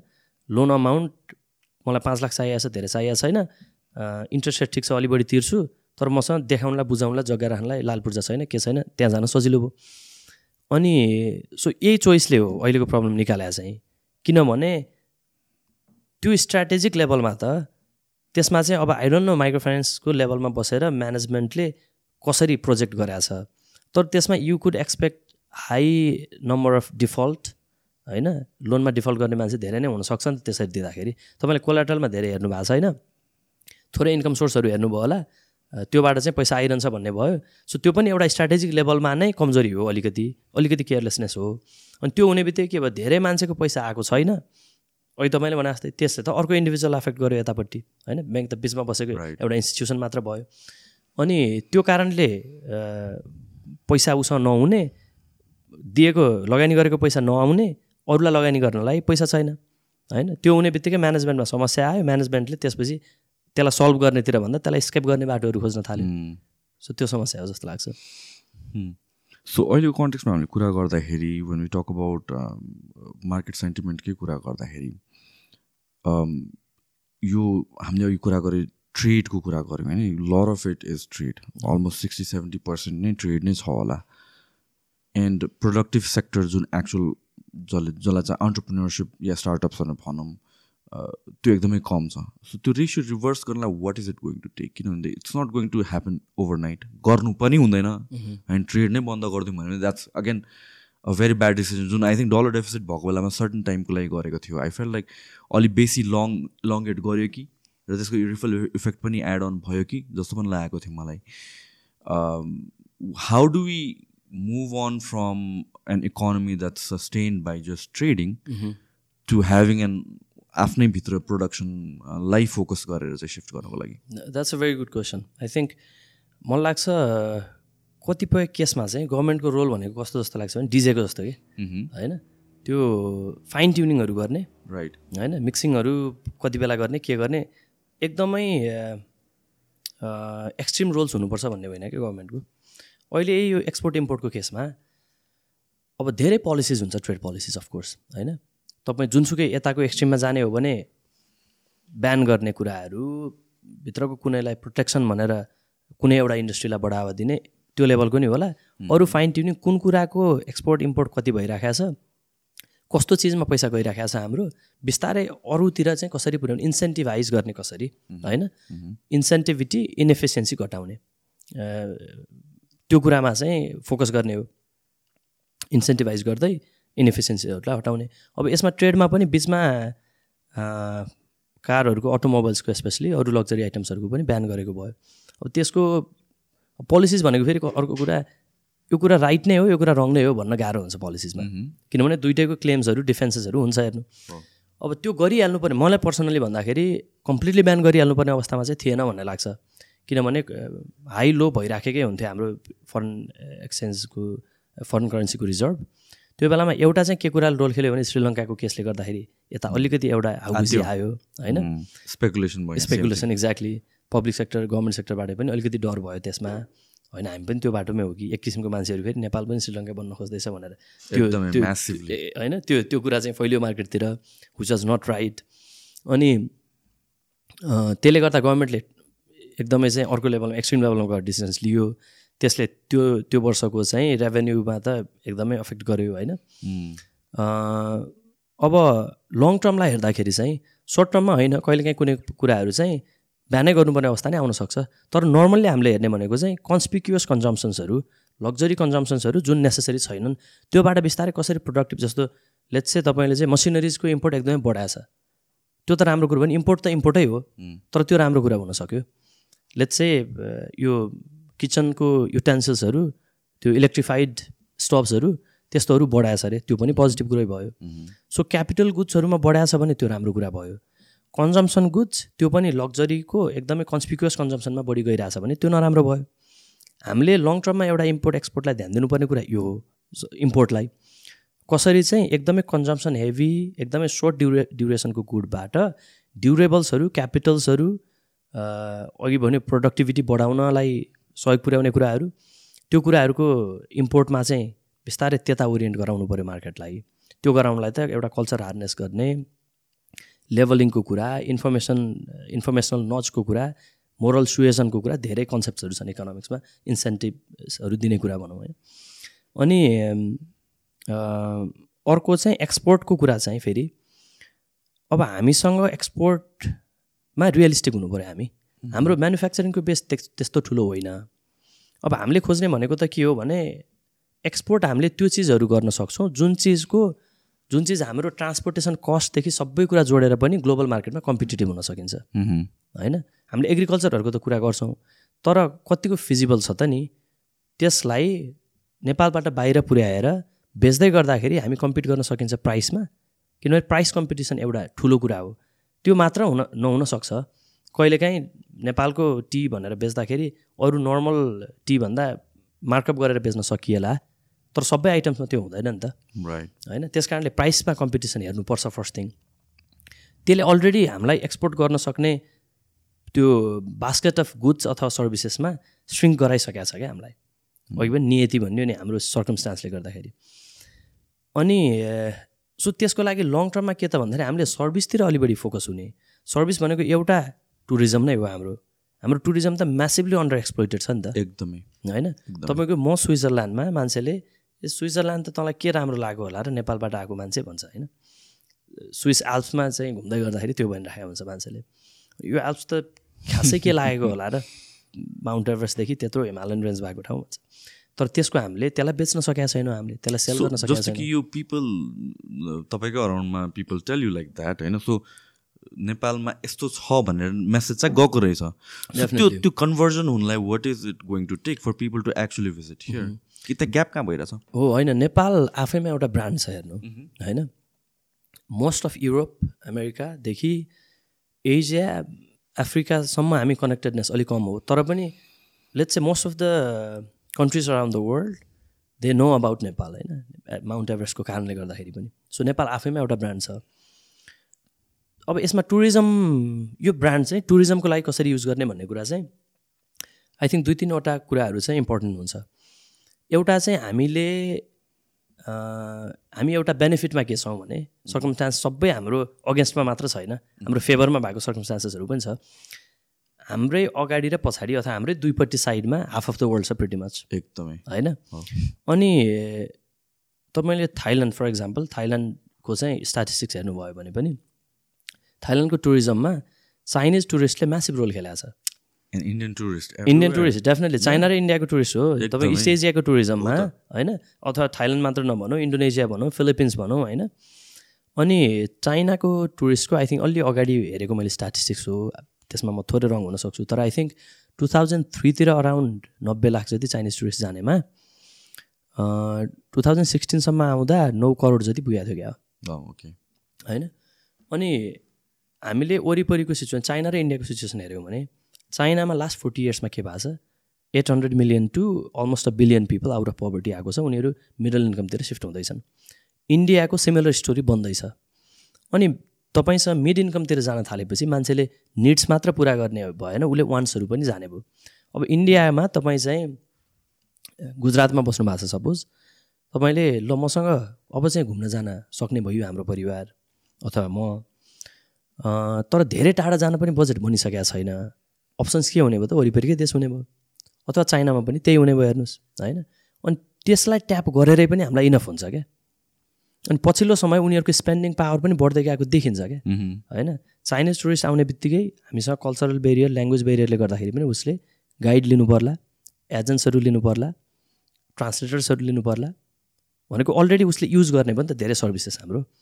इन्डियन टुरिस्टमा पनि पहिला पहिला चाहिँ अब एक किसिमको लो के अरे स्पेन्डिङ क्यापेसिटी स्पेन्डिङ क्यापेसिटी भएको चाहिँ आउँथे भने अहिले चाहिँ अब आफैले चाहिँ चार पाँचजना आउने ड्राइभ गरेर आउने होइन? अथवा भित्र चाहिँ फ्लाइट्समा आउने डोमेस्टिक फ्लाइट्सहरू लिने लग्जरी टुरिज्म चाहिँ कन्ज्युम गर्ने टुरिस्टहरू बढ्न थालेका छन्। सो टुरिज्ममा हामीले चाहिँ नेपालको ब्रान्ड बेच्न धेरै पर जानुपर्छ भन्ने मलाई लाग्दैन। तर हामीले ख्याल गर्नुपर्ने कुरा भनेको दुईपट्टि मान्छेहरू छन्। हामीले एक्सेसिबल बनायो हाम्रो ठाउँहरू भने हामीले इनफ मान्छे ल्याउन सकिन्छ। त्यो एकदमै कम्फोर्टेबल सिचुएसनमा छौँ हामी त्यसमा। होइन? तर त्यसको लागि फेरि अर्को चाहिँ सो टप डाउनबाट हेर्दा त्यो भयो। अर्को बटम अप लेभलमा हेर्दाखेरि उनीहरू आएर कन्ज्युम गर्ने सर्भिसेस त चाहियो नि फेरि। होइन? तपाईँ चाहिँ अब स्विस एल्प्स छ स्विजरल्यान्डमा एल्प्स छ माउन्टेन छ माथि मजाले पर्छ। त्यहाँ केबल कार छ र त मान्छे त्यहाँ गएर स्पेन्ड गर्छन्। केबल कार चढेर गएर माथि चाहिँ भ्यू पोइन्ट छ यतापट्टि क्याफे छ क्याफेमा स्पेन्ड गर्ने भयो मान्छेले। तर पाहाड मात्र हेरेर त स्पेन्ड कोही केही नि गरेन नि मान्छेले। सो सर्भिसेसहरू चाहिँ रेडी हुनु पऱ्यो केही समय अगाडि एउटा कन्क्लेभमा मैले चाहिँ यो आई थिङ्क द्वारिकाजको ओनर्सहरू लगायत अरूबाट मैले सुन्दै थिएँ क्या यो कुरा। हामीले लग्जरी टुरिज्ममा अलिकति फोकस गर्नुपर्छ। अब अहिलेको हेर्ने हो भने एउटा टुरिस्ट आएर एभरेजमा चाहिँ हामीसँग दस बाह्र दिन बस्ने दिनको पचास डलरभन्दा कम खर्च गर्ने। होइन? त्यो त एकदम इकोनोमिक टुरिस्ट भयो। बजेट टुरिस्टहरू भयो। हामीले लग्जरी टुरिस्टहरू भोल्युमलाई मात्र नहेरौँ।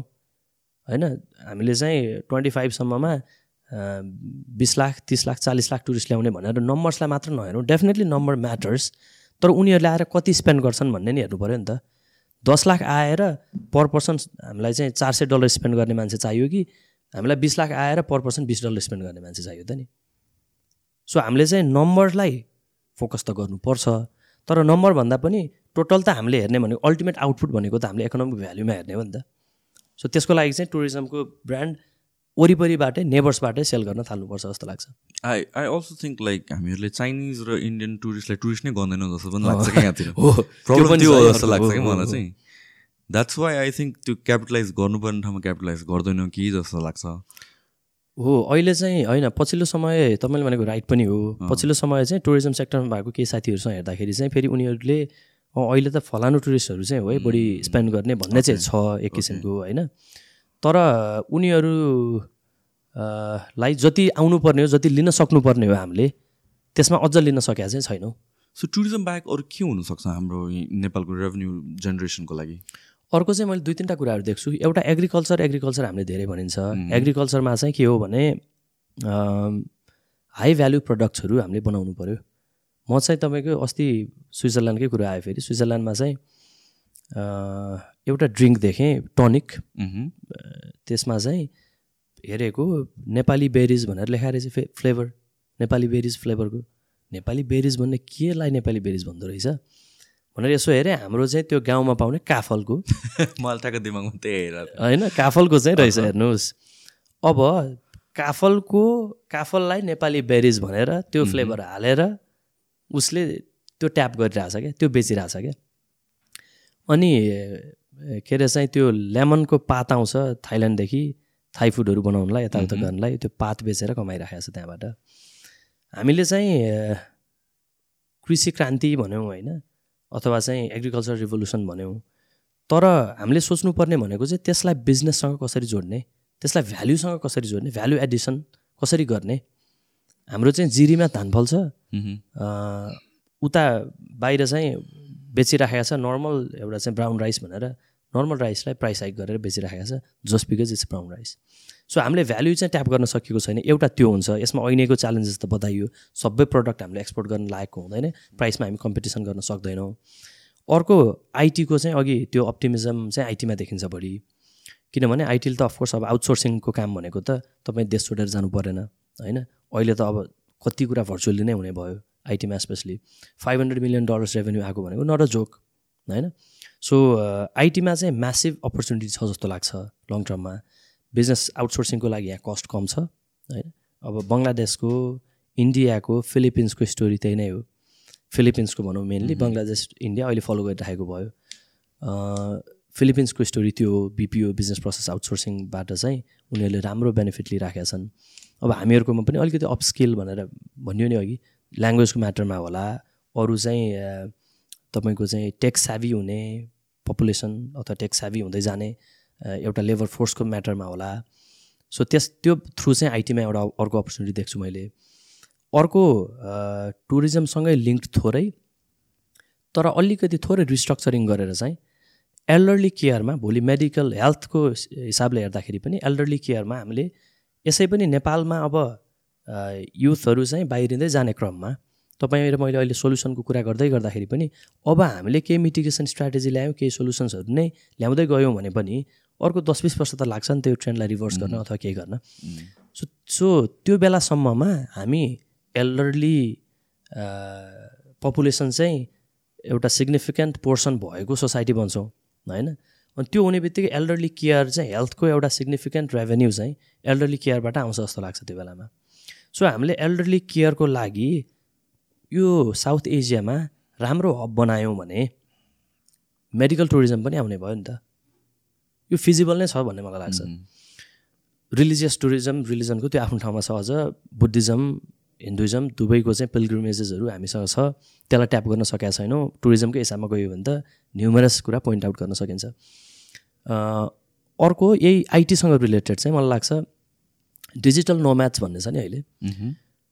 जसरी नेपालभित्र आउटसोर्सिङको कुरा छ तपाईँले त्यसलाई टुरिज्मसँग कपल गरौँ कुनै डेजिग्नेटेड एरियाजमा यस्तो राम्रो व्यवस्थापन गरौँ जस्तो स्पेसल इकोनोमिक जोन भनेर इन्डस्ट्रियल के अरे चाहिँ नि एउटा इन्भाइरोमेन्टलाई फस्टर गर्नलाई इन्डस्ट्री स्पेसल इकोनोमिक जोन बनाएको जस्तै टुरिज्म जोन्सहरू बनाएर डिजिटल नोम्याच जो म युएसको फलानु फर्ममा काम गर्छु तर म वर्षको दुई महिना तिन महिना चाहिँ एनिवेयर फ्रम द वर्ल्ड काम गर्न मिल्छ भन्ने मान्छे ऊ आएर दुई महिना तिन महिना बसेर नेपालको ब्युटी पनि एक्सप्लोर गरेर यता हाइक हाइकिङदेखि स्किङसम्म गरेर फर्किने वातावरण मिलाउन सक्यो भने त्यो अहिलेको लग्जरी टुरिज्मसँग त्यो जोड्यो क्या। त्यस कारणले सर्भिसतिर चाहिँ बढी फोकस हुनुपर्छ भन्ने लाग्छ मलाई। So when you talk about agriculture र हाई भ्याल्यु क्रपहरू मेरोवाना कतिको फिजिबल छ? बिकज यो कुरा कन्भर्सेसन एकदमै आइरहेको छ। तर यो हावा गफ हो कि कि एक्चुली इट इज फिजिबल भन्ने कन्टेक्समा वाट यु से अब त्यसमा चाहिँ यो चाहिँ अलिक सेन्सिटिभ नै कुरा हो होइन? यो चाहिँ I think it has to go beyond यसको इकोनोमिक कस्ट बेनिफिट्स किनभने यसले कल्चरलाई पनि एफेक्ट गर्ने कुरा भयो। यसले सोसल लेभल सोसल इम्प्लिकेसन्स पनि धेरै हुने कुराहरू भयो। अघि पनि रेगुलेसनको कुरा गरियो। रेगुलेसन छ भने केही पनि कुरा आफैमा नराम्रो नहुन पनि सक्छ होइन? अब धेरै मोडल्सहरू देखिन्छ धेरै प्रोडक्ट सर्भिसेसहरू त मार्केटमा कन्ज्युम गर्नलाई छ नि त ग्लोबल्ली होइन? तपाईँको चाहिँ कुनै ठाउँमा प्रस्टिट्युसन लिगल होला कुनै ठाउँमा ड्रग्सहरू लिगल होला तपाईँ चाहिँ अब इबिजामा बनाएको पोलिसी होइन? नेपालमा फिजिबल हुन्छ त? अथवा नेपालमा बनाएको पोलिसी अर्को ठाउँमा फिजिबल हुन्छ त? सो त्यस यो चाहिँ एकदमै सेन्सिटिभ हो जस्तो लाग्छ मरिवानाको कुरा। अब यसमा रेगुलेसन ल्याउन सकिन्छ र सर्टेन लेभल अफ ट्रायल गर्दै होइन थोरै one step forward two step back गर्दै जान सकिन्छ भने फिजिबल पनि होला। अथवा यसको हेल्थ बेनिफिट्स पनि अब म त्यो सेक्टरको परिन कतिको रिगरस हो त्यो रिजल्ट्सहरू त्यसलाई पनि हेर्नु पर्ला। सो यसलाई गर्नै हुँदैन भन्ने कुरा त होइन तर अलिक सेन्सिटिभ हो। यसको चाहिँ अलिक लङ टर्म इम्प्लिकेसन सोचेरै गर्नुपर्छ गर्न चाहिँ। आई मिन लिगलाइज गर्ने कि नगर्ने भन्दा पनि त्यसको इकोनोमिक पर्सपेक्टिभबाट त्यो भने जस्तो भ्यालु छ कि छैन। किनभने like lot of conversations about legalising marijuana कहाँबाट स्टार्ट हुन्छ भने इट्स नट अबाउट सोसाइटीको कुरा पनि आउँदैन त्यसको मेडिकल युजको पनि सर्टन कुरा आउँछ तर मोर कन्भर्सेसन आउनुको कारण भनेको we have a huge economic opportunity जुन हामी युज गरेर आएको छैन कन्भर्सेसन त्यसपछि कहाँ जान्छ भनेपछि नेपालको मेरोना इज रिनोन लाइक वर्ल्डमा पहिलादेखि नै थियो भनेर भन्छ कि। तर फर सो मेनी डेकेट्स जुन बेला यहाँ बन्द भयो र अरू ठाउँमा ओपन भयो त्यो मेरोवानाको क्वालिटीदेखि लिएर एभ्रिथिङको कुरा त अर्कै ठाउँमा पुगिसक्यो क्या so at this point can we come back to the game र हाम्रो लागि त्यो स्पेस स्टिल छ जस्तो लाग्छ purely speaking on an economic level अनि त्यो अपर्च्युनिटी त हुन्छ किनभने हाम्रो सेलिङ पोइन्ट भनेको फेरि अब हिमालय। हिमालय एक्ज्याक्टली हिमालय अर्ग्यानिक होइन? त्यो सेलिङ पोइन्ट हुनसक्छ। इकोनोमिक भ्याल्यु त अब केही न केही ब्रान्डिङ केही न केही स्टोरी टेलिङ त गर्न सकिन्छ त्यसमा होइन? सो त्यो अपर्च्युनिटी चाहिँ स्टिल छ जस्तो लाग्छ प्योरली फ्रम अपर्च्युनिटी पर्सपेक्टिभ हेर्दाखेरि। त्यो मार्केट छ नै जस्तो लाग्छ। र अघि पनि भन्यो नि यो आफैमा इकोनोमिक हिसाबमा चाहिँ बेनिफिसियल कुरा नै हो होइन? किनभने जे कुरा तपाईँले बेच्न सक्नुहुन्छ त्यसले केही न केही इकोनोमिक रिटर्न त ल्यायो नि त। तर यसको चाहिँ सोसल इम्प्लिकेसन्स अलि युज भएको कारणले चाहिँ एक चुटकीमै चाहिँ डिसिजन गर्न हुँदैन। एउटा सर्ट ब्रेक लिउँ न। डेफिनेटली सो हामीले अघि के के हुनसक्छ हाम्रो सोर्सेस अफ रेभेन्यूको कुरा गरेर आएको थियो त्यसमा again considering that lot of people are living outside Nepal पनि or how can we capitalise on that यसमा चाहिँ मैले यो डायस्पोरा इन्गेजमेन्ट भनेर त्यो चाहिँ अस्ति एउटा आर्टिकल लेख्दाखेरि बिचमा कुरा गरेको थिएँ त्यसको बारेमा होइन? I think that will be a helpful sort of concept to think about किनभने डायस्पोरा पपुलेसन हाम्रो बढ्दै गइरहेको छ स्पेसली अहिलेको कन्टेक्समा नेक्स्ट टेन इयर्समा अझै इन्फ्लेक्ट हुँदै जाने देखिन्छ त्यो नम्बर अनि त्यो आफैमा एउटा मार्केट हो क्या नेपालको लागि होइन? त्यो मार्केट हो एउटा चाहिँ कन्जम्सन्सको हिसाबले जस्तो ल कतिपय कुरो तपाईँको चाहिँ अब्रोड कुनै कन्ट्रीमा चाहिँ बच्चा जन्मियो। बच्चा जन्मेर पास्नी गर्नु पऱ्यो न्वारान गर्नु पऱ्यो भोटो चाहिएला दौरा चाहिएला सुरुवाल चाहिएला अरू कुराहरू चाहिएला त्यो कुरा त्यहाँको कन्जम्सनले त मिलेन। सर्टन नेपाली बिजनेसेसहरू त्यहाँ सेटअप भएको होला। प्रोडक्ट त यहीँदेखि जाने प्रोडक्ट हुने भयो नि त बढी। भनेपछि त्यसमै ओरिएन्ट गरेर बेच्न सकिने कुनै प्रडक्ट सर्भिसेसहरू हुन्छन् जस्तो लाग्छ। सर्भिसकै कुरा गर्नु भने हाम्रो पात्रोहरू लगायत भनौँ न होइन? त्यो चाहिँ अब बाहिर बसेको मान्छेले कति इजिली चाहिँ एक्सेसिबल भएको छ नेपाली क्यालेन्डर अनि त्यो आफैमा कति ठुलो बिजनेस बन्दै गएको छ। अथवा रेमिटेन्सकै हिसाबमा कुरा गर्ने हो भने पनि नेपाली मार्केटलाई नै ओरिएन्ट गरेर गरे सेटअप भएको रेमिटेन्स कम्पनीजहरू होलान्। सो डायस्पोरालाई नै फोकस गरेर पनि हामीले एक्सपोर्टहरू गर्न सकिन्छ जस्तो लाग्छ कतिपय कुरा। सो त्यो आफैमा एउटा इकोनोमिक गेनको लागि सोर्स बन्यो। अर्को चाहिँ डायस्पोरा इन्गेजमेन्ट भन्दै गर्दा चाहिँ डायस्पोरालाई हामीले जस्ट रेमिटेन्सको हिसाबमा मात्र सोच्नु भएन। त्यसबाट चाहिँ इकोनोमिक भ्याल्युज मात्र होइन कि अथवा मोनिटरी भ्याल्युज मात्र होइन कि non monetary values non tangible values पनि लार्जर हुनसक्छ लङ रनमा चाहिँ। कर्पोरेट कल्चरको कुराहरू गरौँ। अहिले नेपालीहरू चाहिँ एकदम प्रोफेसनल एउटा भनौँ न टेक जायन्ट्सहरूदेखि वाल स्ट्रिटमादेखि सिलिकन भ्यालीमा कति राम्रो प्रेजेन्स भएर बसिरहेका छन्। अनि उनीहरूबाट नेपालले चाहिँ जस्ट रेमिटेन्स मात्र एक्सपेक्ट गर्ने होइन नि त।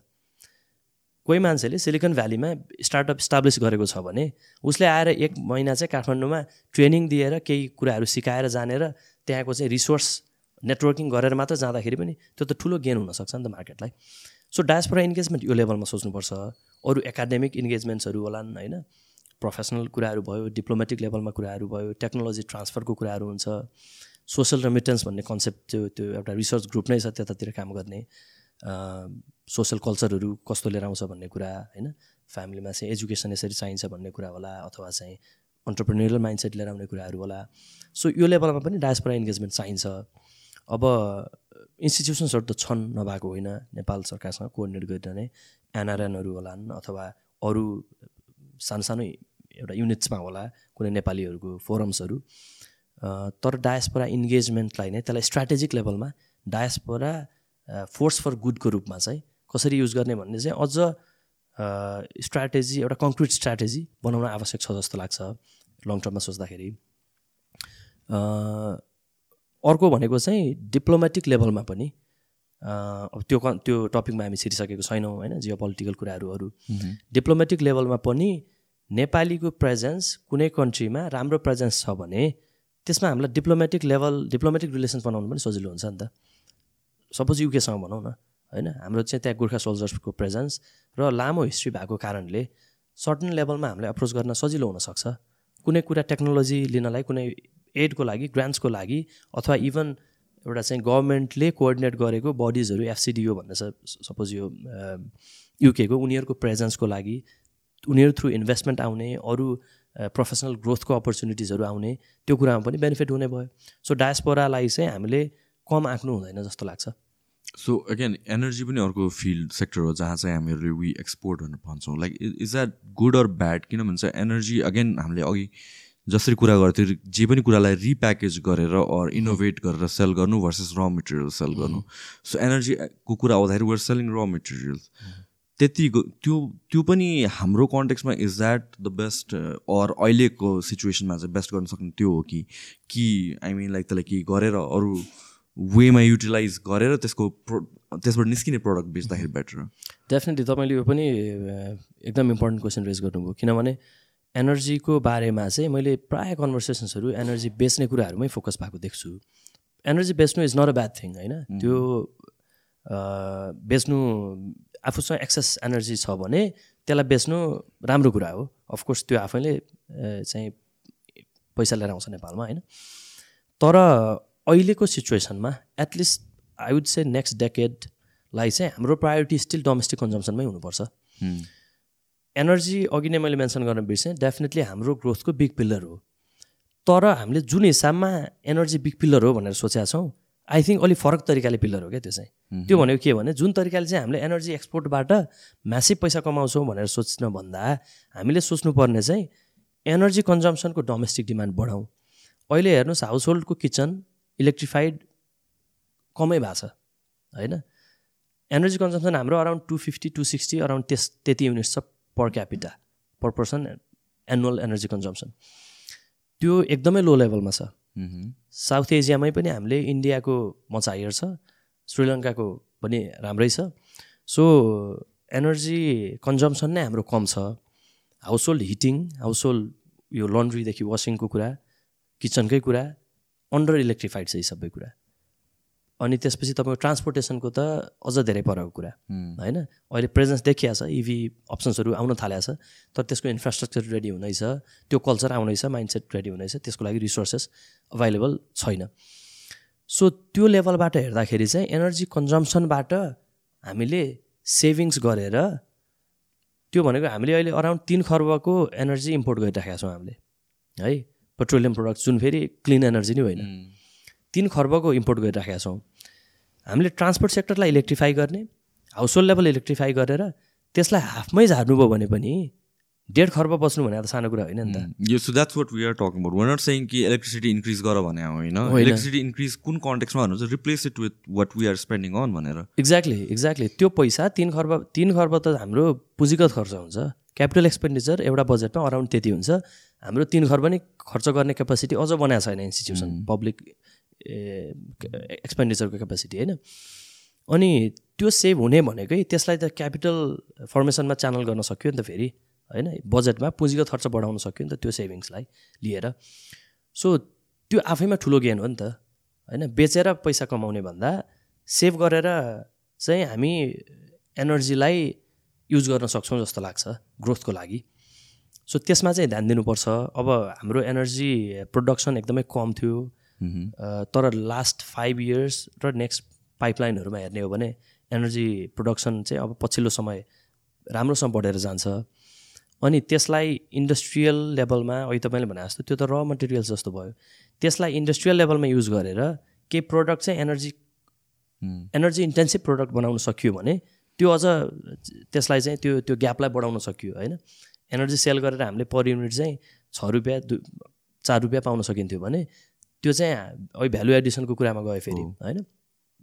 सो त्योतिर ध्यान दिनुपर्छ र कन्जम्सनमा ध्यान दिनुपर्छ जस्तो लाग्छ एनर्जीको लङ टर्ममा डेफिनेटली बङ्गलादेश इन्डिया लगायतको ठाउँमा एनर्जी डिमान्ड बढ्ने नै देखिन्छ।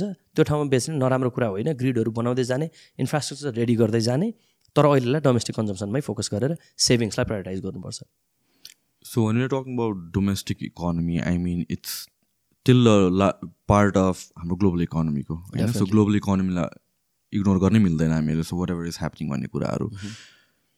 त्यसले कतिको एफेक्ट गर्छ? हामी लाइक एफेक्ट एउटा सर्टन वेमा त गर्छ तर कुन वेमा एफेक्ट गर्छ? इन अ सेन्स कि लाइक हामीले यहाँ since we're part of the global economy हामीले in ours in itself नै भित्र नै हामीले whatever the damage is being done त्यसलाई अन्डु गर्न सकिन्छ हामी यहाँ बसेर डिफेन्सिभ वेमा वर्क गर्न सकिन्छ कि त्यो वेभ त्यो वेभ सँगैसँगै हामीलाई क्यारी गरेर लिएर जान्छ।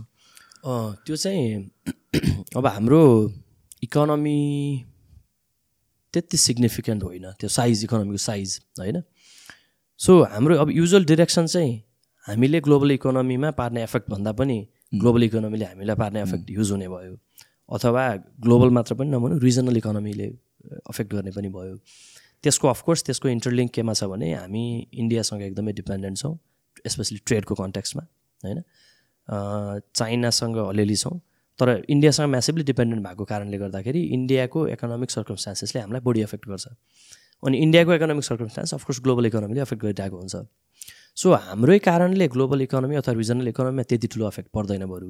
नो आई मिन लाइक ठ्याक्क रिभर्स भन्नु खोजेको। रिभर्स ग्लोबल इकोनोमीले चाहिँ हामीलाई कति इफेक्ट पर्छ? ए ग्लोबल इकोनोमीले त पार्छ। जस्तो सप्लाई चेनहरूको यो कोभिडको कारण बेलामा चाहिँ सप्लाई चेनले पारेको इफेक्टहरू थियो होइन?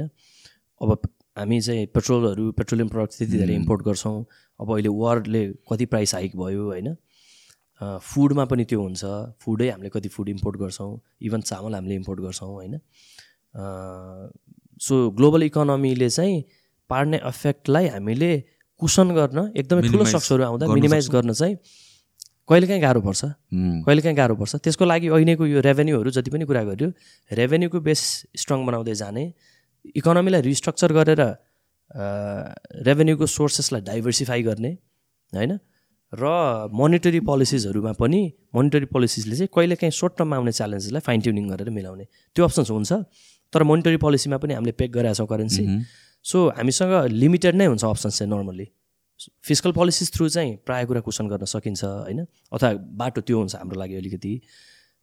तर पनि बिग सक्स आउँदा हामीलाई अलिक गाह्रै छ। सो करेन्सी पेक गर्नु isn't that a good thing like अहिले सिचुएसनमा हेर्दाखेरि isn't that what saving us त्यो त राम्रो कुरा हो। त्यो? होइन त्यो त्यो त राम्रै कुरा हो। करेन्सी पेक गरेको त्यसलाई त्यसको डाउन साइड्स भन्दा पनि अप साइड्स नै बढी देख्छु मैले किनभने हाम्रो इकोनोमी एकदमै ट्रेड बेस्ड इकोनोमी होइन एक्सपोर्ट ओरिएन्टेड इकोनोमी होइन।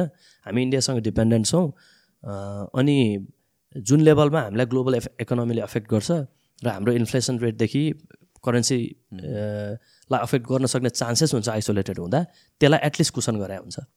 So what is happening global इकोनोमीको कुरा गर्दाखेरि एट दिस पोइन्ट ग्लोबल इकोनोमीमा पनि प्रशस्तै समस्याहरू चाहिँ देखिया छ अहिले होइन। अब कति लङ टर्म जान्छ अथवा जाँदैन त्यो आफ्नो ठाउँमा छ। यो कोभिडले इन्ड्युस गरेको इफेक्ट्सहरू छ प्राय बिचमा फाइनेन्सियल एस्पेक्ट्सहरू त्यहीबाट जोडिएको भयो। अब मनी पम्प गर्यो एकदमै होइन? मनी पम्पिङ भयो त्यसले इन्फ्लेसन बढायो।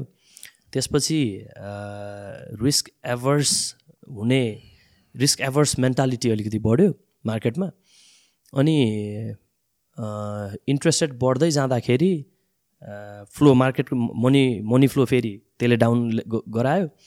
अनि डलर इन्क्रिज हुँदै गयो। सेफ्टी करेन्सीको रूपमा डलर छ सो डलरको भ्याल्यु एक्सलरेट भयो अलिकति। त्यसले ट्रेडलाई अफेक्ट गर्ने भयो। त्यसले इन्टर कन्ट्री इकोनोमिक इन्टरेक्सन्सहरूलाई अफेक्ट गर्ने भयो। सो त्यो छ सिचुएसन अहिले। अब मार्केटमा ग्लोबल्ली पनि एग्रिगेट डिमान्ड फलिङ नै छ अलिकति। अब यसै पनि तपाईँको युरोप हेर्नुभयो भने त्यो म्यासिभली ग्रोइङ इकोनोमी थिएन पहिला। एउटा कन्सिस्टेन्ट पेसमा हिँडिरहेको इकोनोमी थियो। अमेरिका अब ग्रोइङ नै थियो तर पनि ग्रोथ रेटलाई नै हेर्ने हो भने त्यो अब एकदम म्यासिभ थिएन। चाइनाहरूको केस अलिकति फरक भयो अथवा एसियन कन्ट्रिज इमर्जिङ फ्रन्टियर मार्केट्सहरू अलिक ग्रोइङ नै थियो। तर पनि सप्लाई चेन एफेक्ट्सले गर्दाखेरि सप्लाई चेनले गर्दाखेरि सप्लाई चेनमा देखिएको समस्याले गर्दाखेरि ट्रेडलाई एफेक्ट गर्यो प्रोडक्सनलाई एफेक्ट गर्यो। सो ग्लोबल इकोनोमी पनि अलिकति चाहिँ सेकी नै छ अहिले चाहिँ। तर त्यो चाहिँ अब डिल गर्न नसक्ने भन्ने एकदमै म्यासिभ प्रब्लम चाहिँ होइन। त्यो मोनिटरी पोलिसीसँग रिलेटेड कुराहरू छन् अलिक बढी डिमान्ड साइडको रिलेटेड कुराहरू छन् थोरै।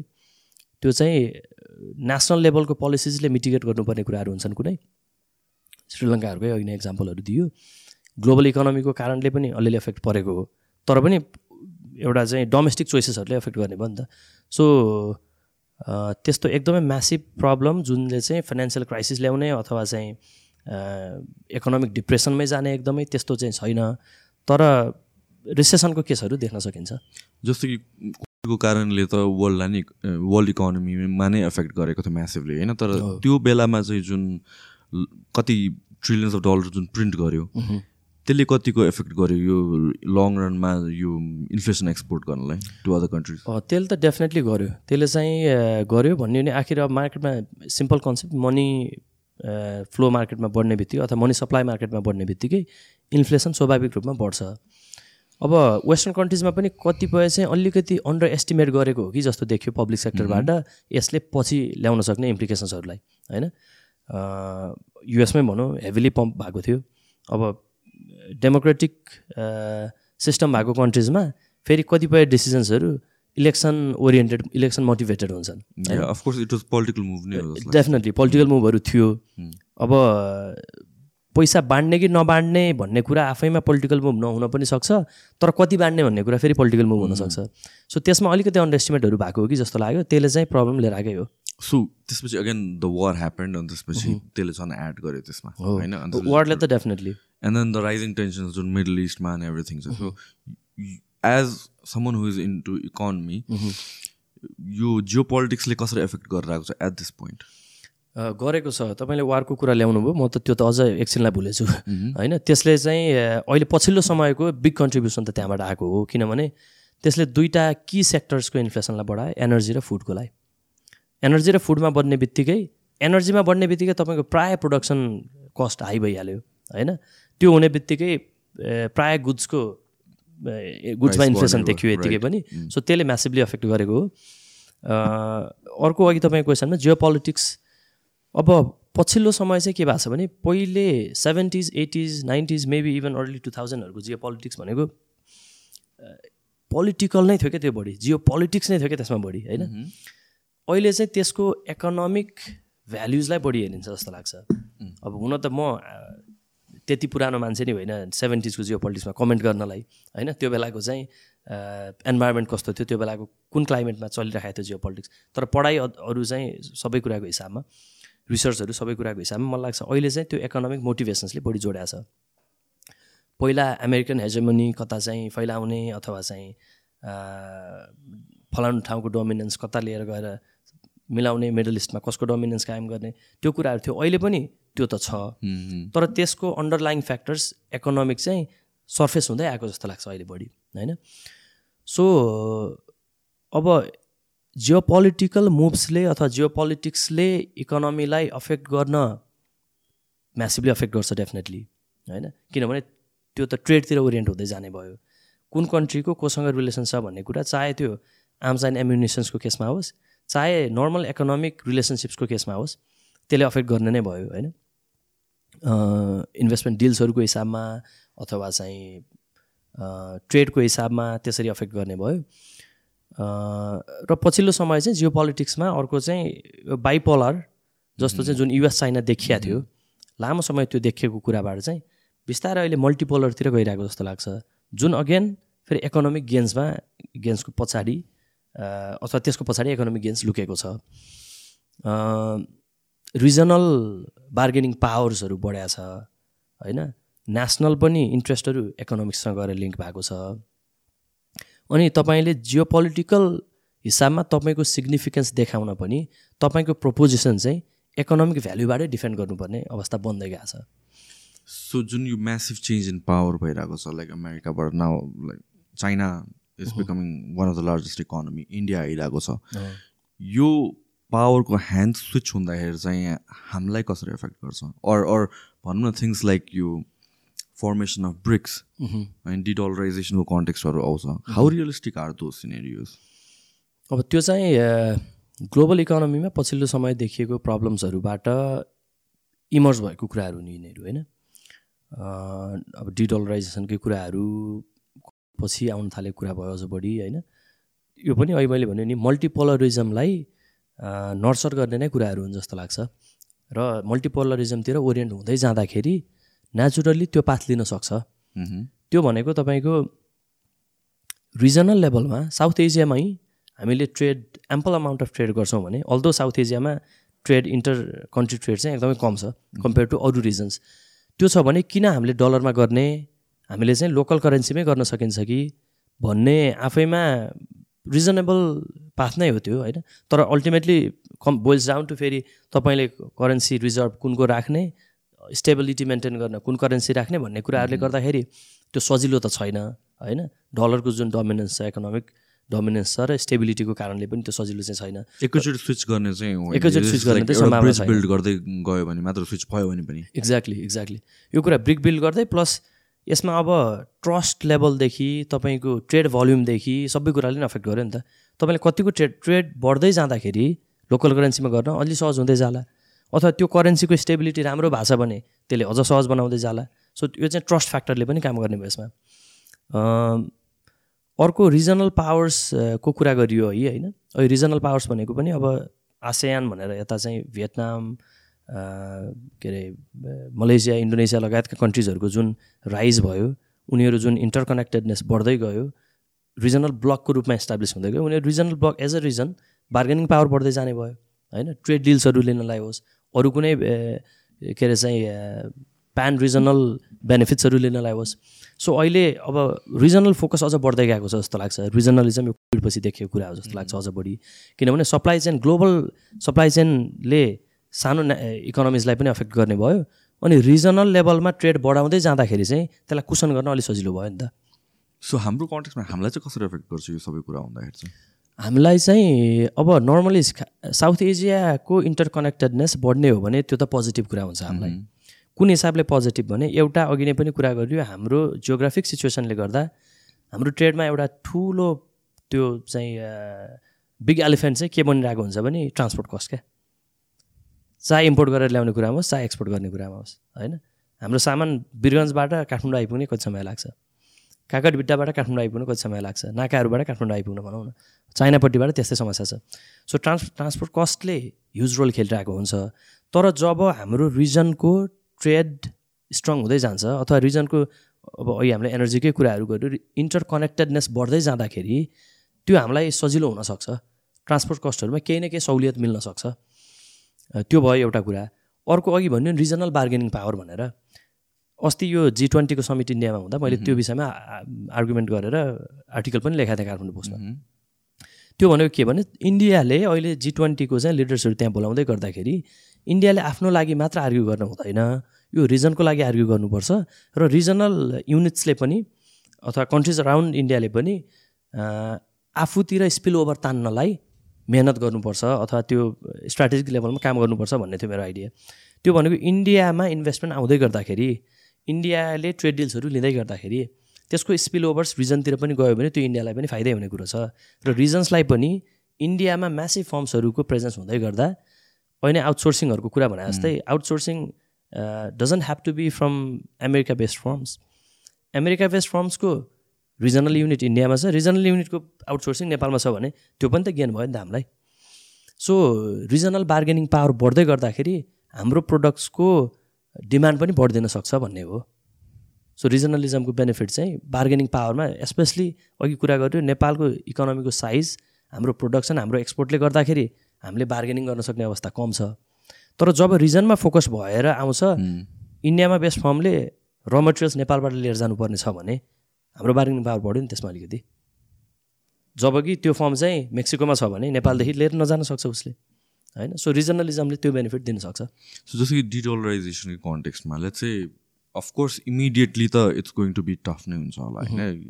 किनभने इट्स सो कम्प्लिकेटेड यो सबै कुराहरू स्विच गर्ने नगर्ने risk associated lot of things तर लेट्स चाहिँ त्यो डिडलराइजेसन भयो भने अर्को न्यू करेन्सी इमर्ज भयो अरे एज अ इन्टरनेसनल करेन्सी भनेर भनेपछि त्यसको इफेक्ट्स हामीलाई फरक पर्छ? हामीलाई फरक त्यसले त्यति ठुलो फरक हामीलाई नपर्न सक्छ। किनभने अघि कुरा गऱ्यो हामीले large chunk of goods and services इन्डियाबाट import गर्छौँ। जुन आई बिलिभ हामीले आइसी इन्डियन करेन्सीमै इन्डियन रुपिजमै पे गर्छौँ। सो इन्डियालाई एफेक्ट पर परेपछि हामीलाई पर्दैन होला त्यो? त्यसले फरक त पर्छ होइन? फरक डेफिनेटली पर्छ अलिकति। तर इन्डियासँगको ट्रेड रिलेसन हाम्रो राम्रो भएको कारणले अहिले पनि त हामीले त डलरमा भन्दा इन्डियन रुपिजमा बढी ट्रान्जेक्सन गरिरहेछौँ भने हामीलाई डिरेक्टली त त्यसले एफेक्ट गरेन नि एउटा पोर्सनलाई। तर जुन कुरा हामीले डलरमा ट्रान्जेक्ट गरिराखेका हुन्छौँ त्यसमा फेरि एउटा कुरा चाहिँ कस्तो भने त्यो चाहिँ नेसनल चोइसको नि कुरा हो एउटा। भनेको तपाईँले चाहिँ इन्डियासँग डिल गर्दाखेरि लेट चाहिँ हामीले चाहिँ इन्डियन करेन्सीमै पे गर्छौँ भनिरहनु भएको छ भने अर्को करेन्सी आउँदैमा त्यसले एफेक्ट नगर्न पनि सक्छ। होइन? अथवा चाहिँ चाइनासँग तपाईँले ट्रेड गर्दाखेरि चाइनिज यानमै ट्रेड गरिरहनु भएको छ भने युएनमै ट्रेड गरिरहनु भएको छ भने त्यसले अफेक्ट नगर्न पनि सक्यो। तर जुन कन्ट्रीमा चाहिँ डिडलराइजेसन हुँदाखेरि तपाईँले पे गर्ने करेन्सीमा पनि अथवा तपाईँलाई पे गर्ने करेन्सीमा पनि अफेक्ट पर्छ।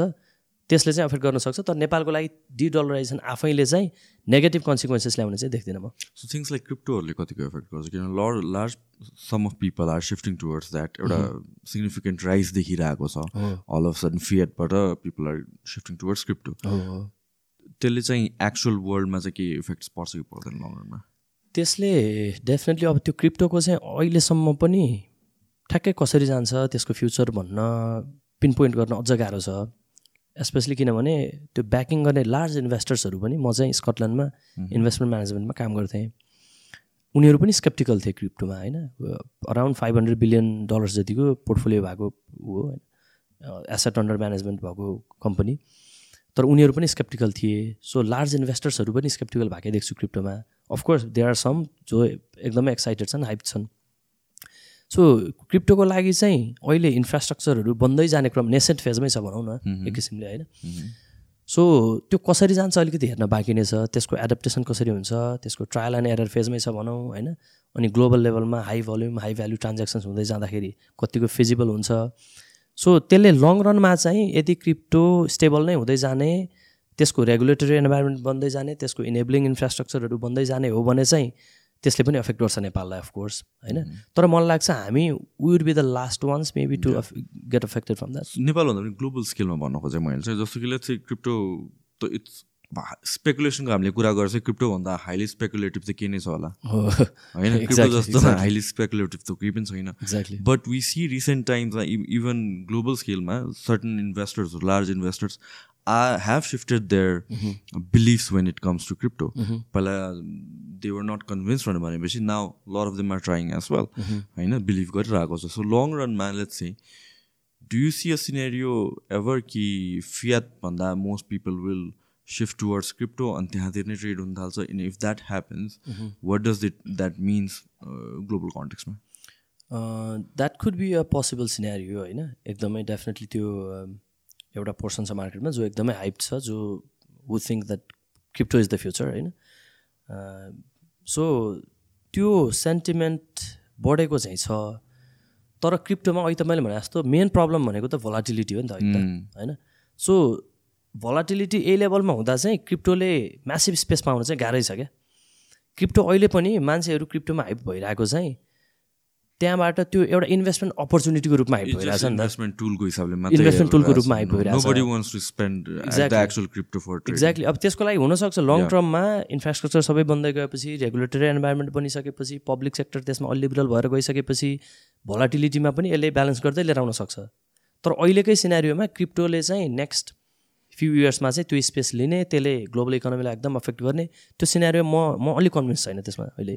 तर फेरि again at the same time भोलाटिलिटीकै कारणले त people are getting into crypto भोलि गएर स्टेबल भयो भनेर भयो भने त why would people get it switch their main source of spending जुन युनिट छ? फियटबाट uh, क्रिप्टोमा किन जान्छ होला होइन र? एट दिस पोइन्ट त त्यही नै हो नि. Massively people are jumping into it because it's it's a ship that's going to sail on त्यसपछि let's get on the ship भनेर हो।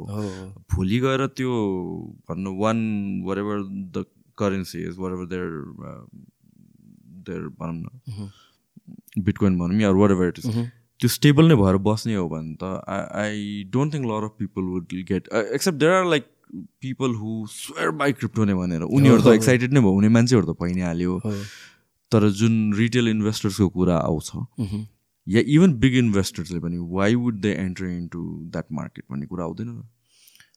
आउँछ त्यो। त्यही त भनेको जस्तो तपाईँको भोलाटिलिटी चाहिँ सेटल हुने भनेको फेरि कस्तो छ भन्नु होला भने लेट्स चाहिँ दुई तिन वर्षमा यसको भोलाटिलिटी कम हुँदै गयो अरे। यो त लङ प्रोसेस हुन्छ नि त डेफिनेटली होइन। यसको किनभने के छ भने तपाईँ अब बिटकोइनको मार्केट भ्यालु नै कति हो भन्ने कुराले गाइड छैन नि त गाइडेड छैन नि त होइन। टोटल्ली अब अहिलेलाई सप्लाई डिमान्डले गाइडेड छ। अनि त्यसले भोलाटिलिटी निम्ताइराखेको छ। अब भोलि एउटा सिचुएसन जहाँ रिटेल इन्भेस्टर्स इन्भेस्टर्स मात्र होइन कि डे टु डे कन्ज्युमर्स भनौँ न इन्भेस्टमेन्टको हिसाबले मात्र होइन। क्रिप्टोले चाहिँ ट्रेडिङदेखि अरू सबै डे टु डे ट्रान्ज्याक्सन्समा क्रिप्टोले स्पेस लिन त त्यो त लाइक हाइली स्टेबल हुनु पऱ्यो होइन? At least to the extent that it's close to some of the volatile currencies let's चाहिँ होइन? कुनै कुनै भोलाटाइल करेन्सिजसम्मको स्टेबिलिटी लेभलमा आउने हो भने पनि मेबी त्यो स्पेस लिन सक्छ। अनि त्यही कारणले पनि अहिले इन्भेस्टर्सहरू त्यो मार्केटमा नछिर्नुको कारण चाहिँ त्यो जस्तो लाग्छ। तपाईँले भने जस्तै जो छिरिसकेको छ भोलि स्टेबल हुँदा त उनीहरू बस्ला। त्यसले अरूलाई पनि पुल गर्न सक्ला। तपाईँले भन्नु खोजेको हिन्ट गरेको त्यो जस्तो लाग्यो। त्यो हुनसक्छ तर त्यो हुनलाई अहिलेकै सिचुएसनमा अझ गाह्रै देख्छु मैले चाहिँ। जस्तै कन्ट्री लाइक एल साल्भेडोरले आई थिङ्क आफ्नो करेन्सी नै बिटकोइन भनेर बनाएको थियो। I I think it fired back exactly so त्यस्तो डु यु थिङ्क त्यसले गरेर पनि एउटा ब्याड सेन्टिमेन्ट गएको छ टुवर्ड्स मार्केट हो त्यो चाहिँ एल साल्भाडोर अब त्यो पनि अलिक अलिकति पोलिटिकली मोटिभेटेड मुभ थियो होइन? एल साल्भाडोरको आई थिङ्क एकदमै यङ प्रेजिडेन्ट अनि उसले चाहिँ होइन उसको नाम नै के थियो?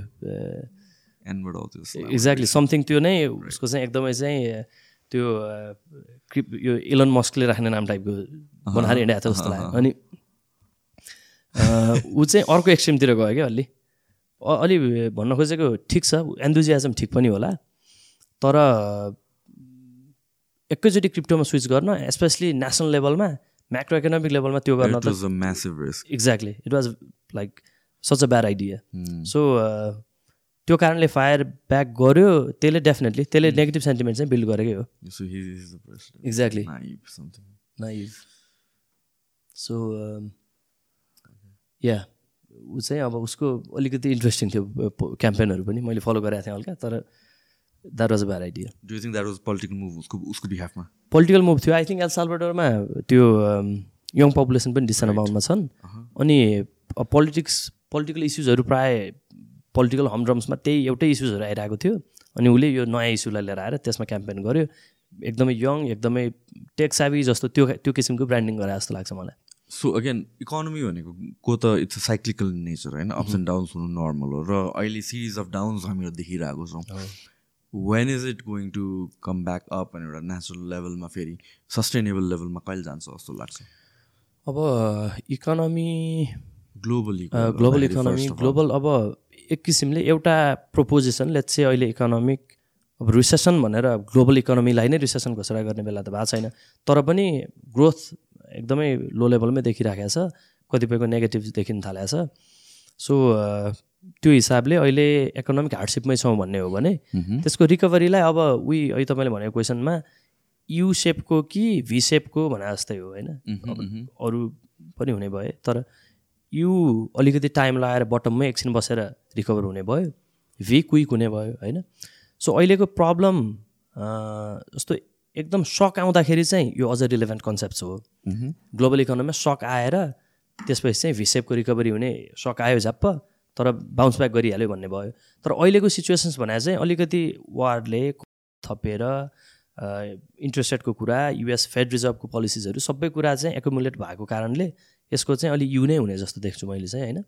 सो अलिकति टाइम चाहिँ लाग्छ जस्तो लाग्छ। सो यु युकै हामी बटम एन्डमा छौँ कि वेयर स्टिल हेरिङ डाउनवर्ड्स योभन्दा पनि वर्स हुन्छ होला ग्लोबली योभन्दा worse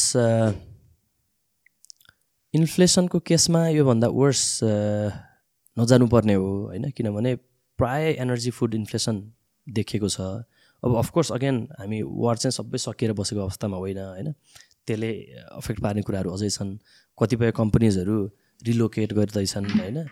not only from Russia तर चाइनादेखि रिलोकेट गर्ने त्यो अलिकति रिओरिएन्ट हुँदैछ सप्लाई चेनभित्रकै कुराहरू पनि। एनर्जी फुडले त्यसले चाहिँ अझ त्यसको एफेक्ट्सहरू अरू ठाउँमा देखिँदैछ बल्ल होइन? अब इन्डियाकै अस्ति भर्खर पोलिसिज यो विट लगायतको अरू कुराहरूको पोलिसिज सो युको बटममै बटमतिर नै छौँ क्लोज टु द बटम नै भन्छु म चाहिँ। अनलेस अब terrible choices are made from some economies like American economies अरू अरू अमेरिकन इकोनोमी अथवा युरोपियन त नट सो मच तर अमेरिका लगायत अरू बिग पावर्सले चाहिँ टेरिबल चोइसेस नलिँदा योभन्दा बटम चाहिँ धेरै जाँदैन जस्तो लाग्छ। लोकली हेर्दा डोमेस्टिक इकोनोमीमा चाहिँ do you think we're at the bottom कि योभन्दा अझ तल जान्छ होला डोमेस्टिक चाहिँ स्पेकुलेट गर्न गाह्रो छ कि? डोमेस्टिक चाहिँ किन भन्नु होला भने ग्लोबलमा अब ग्लोबल मार्केटको सेन्टिमेन्टले नै ड्राइभ गर्ने भन्दा पनि ट्रान्ज्याक्सन्सहरूले नै बढी ड्राइभ गर्छ। अनि बिग इभेन्ट्सहरूले बढी ड्राइभ गर्छ। डोमेस्टिक हेर्दाखेरि चाहिँ हाम्रो स्मल इभेन्ट्स हाम्रो माइन्ड सेटले ड्राइभ गरिरहेको छ क्या अहिले बढी होइन? कन्जम्सन लेभल हाम्रो एकदमै कम आइसकेको भन्ने पनि होइन। अघि नै कुराहरू गऱ्यो नि। कतिपय कुरा ट्रेन्डले गाइड गरिराखेको छ। कतिपय कुरा फाइनेन्सियल गेन्सले होइन। मसँग यहाँ यो अप्सन छ यो अप्सन छोडेर म यो गर्छु भन्ने कुराले ड्राइ ड्राइभ गरिराखेको छ। अनि इन्भेस्टर्सहरू स्केप्टिकल छन्। So it could go both ways थोरै अलिकति गभर्मेन्ट प्लस प्राइभेट सेक्टरको पनि बिग फर्म्स अथवा इभन स्टार्टअप्सहरूले थोरै रोल खेलेर अलिकति पोजिटिभिटी लिएर आउन सक्ने हो भने चाहिँ I think it could bounce back किनभने हाम्रो अरू एक्सटर्नल सेक्टरको हेर्ने हो भने त राम्रै छ रेमिटेन्स इन्फ्लोजहरू राम्रै छ। रेमिटेन्समा बेस्ट कन्जम्सन हो हाम्रो मोरलेस होइन? सो एग्रिगेट डिमान्ड घटे पनि रेमिटेन्सको फ्लो बढिरहेको देख्दाखेरि चाहिँ डिमान्ड बढ्ने चान्सेसहरू इनफ देखिन्छ। ब्याङ्किङ सेक्टरमा देखिएको समस्यालाई पनि हल गर्नै नमिल्ने समस्या छैन होइन? सो पोलिसी चोइसेसकै बाटोबाट चाहिँ यहाँभन्दा टेरिबल भएर जान्छ भन्ने अलि देख्दिनँ म। तर सोसियल ट्रेन्ड माइन्डसेट र इन्भेस्टर्स पनि स्केप्टिकल हुने कन्ज्युमर्स पनि होइन यहाँ केही हुँदैन भन्ने यो चाहिँ अलि डर लाग्दो देख्छु मोमेन्टमले नै क्यारी गर्दै लग्यो यो मोमेन्टमले चाहिँ अलिकति डर लाग्दो वातावरण सिर्जना गर्न सक्छ कि भन्ने चाहिँ डर चाहिँ लाग्छ मलाई। त्यो एउटा एकदमै कमन कुरा आइरहेको छ बेला बेलामा। इच नेपालीको टाउकोमा कति पचास हजार कति पुगिसक्यो भनेर भन्छ। कति छ अहिले? नेसनल डेट कति छ? इन्डिभिजुअल डेट नेसनल डेट अब पर क्यापिटाकै हिसाबमा भन्दा पनि जिडिपीको हिसाबमा forty five forty two forty five पर्सेन्टतिर run गरिरहेछ अहिले। सो कत when you look at like global स्केलमा each कन्ट्रीमा त्यो हुने रहेछ। Debt is not necessarily bad होइन? सो हाम्रो सिचुएसनमा जुन छ given the circumstances given the policies र गिभन द अनस्टेबिलिटी मेन कुरा instability do you think that's bad अहिलेको? डेटको बारेमा पनि मैले एउटा आर्टिकल नै डेट फोकस लेखेको थिएँ अस्ति भएर होइन? तपाईँले त्यो त्यो रेफरेन्स लिन सक्यो। डेट चाहिँ अहिले कुन हिसाबमा भने डेट नेपालीको हरेकको टाउकोमा यति डेट छ भन्ने कुरा चाहिँ I think that's not the right way to frame it किनभने त्यो चाहिँ डेटलाई बर्डनकै रूपमा मात्र देखाउन खोजियो। तपाईँले भने जस्तो debt itself is not a bad thing तर डेटमा दुइटा कुरा। हामीले कुन तरिकाले कहाँबाट डेट लिइरहेछौँ? त्यसको पेब्याक पिरियड कति छ? कहिले हामीले पेब्याक गर्नुपर्ने छ? र लिएको लोन हामीले केमा खर्च गरिरहेछौँ? So it's like seventy four point five थाउजन्डको around देखाइरहेको छ या पर देखाउँछ अनि आई थिङ्क यो मिडियाको पनि मेनिपुलेटिभ ट्याक्टिक हो fear mongering because fear sells हो of course of course that's so true that's so true right यो स्पेसली त्यो श्रीलङ्काको केस भइसकेपछि डेटको कुरा बढी आएको। आई मिन डेटको कुरा सर्फेसमा आएको चाहिँ राम्रो हो किनभने अ, पाँच वर्ष अगाडि भूकम्प अगाडि मात्र अगाडि हाम्रो डेट कम नै थियो। जिडिपीको रेसियोमा हेरिन्छ नर्मली डेटलाई डेट सस्टेनेबिलिटी हेर्दाखेरि चाहिँ जिडिपीको रेसियोमा डेट लेभल कति छ?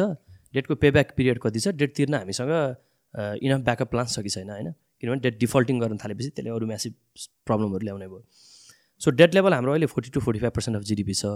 जुन आफैमा एकदमै नराम्रो होइन होइन? लेट्स से अब प्राय ग्रोइङ कन्ट्रिज इमर्जिङ मार्केट्सहरूको अराउन्ड सिक्सटी पर्सेन्ट लेभलसम्म हुन्छ। त्यो म्यानेजेबल नै भइरहेको हुन्छ अरू जापान अमेरिका लगायतको अझ हाई हुन्छ होइन?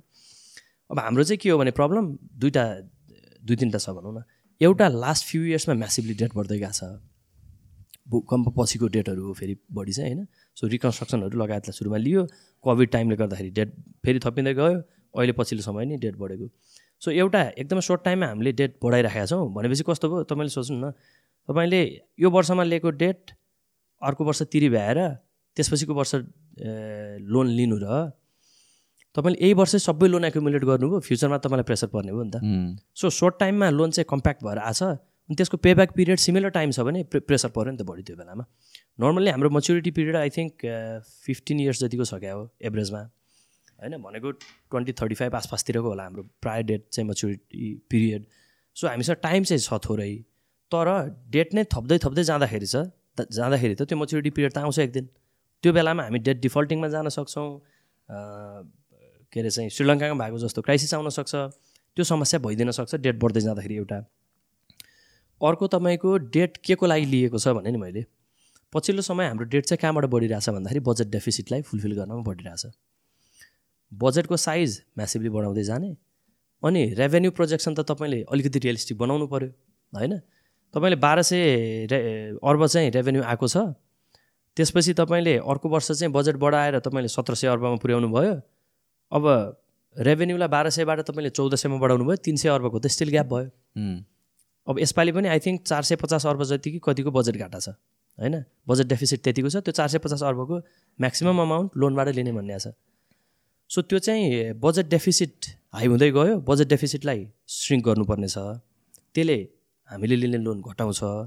अनि हामीले लिने लोन घटाउने बित्तिकै त्यसलाई प्रायोरिटाइज गर्न पनि सजिलो हुन्छ। लोन त ल्याएछौँ तर लोन चाहिँ नन पर्फर्मिङ लोन भयो भने त्यसले त्यसले प्रब्लम एड गर्यो।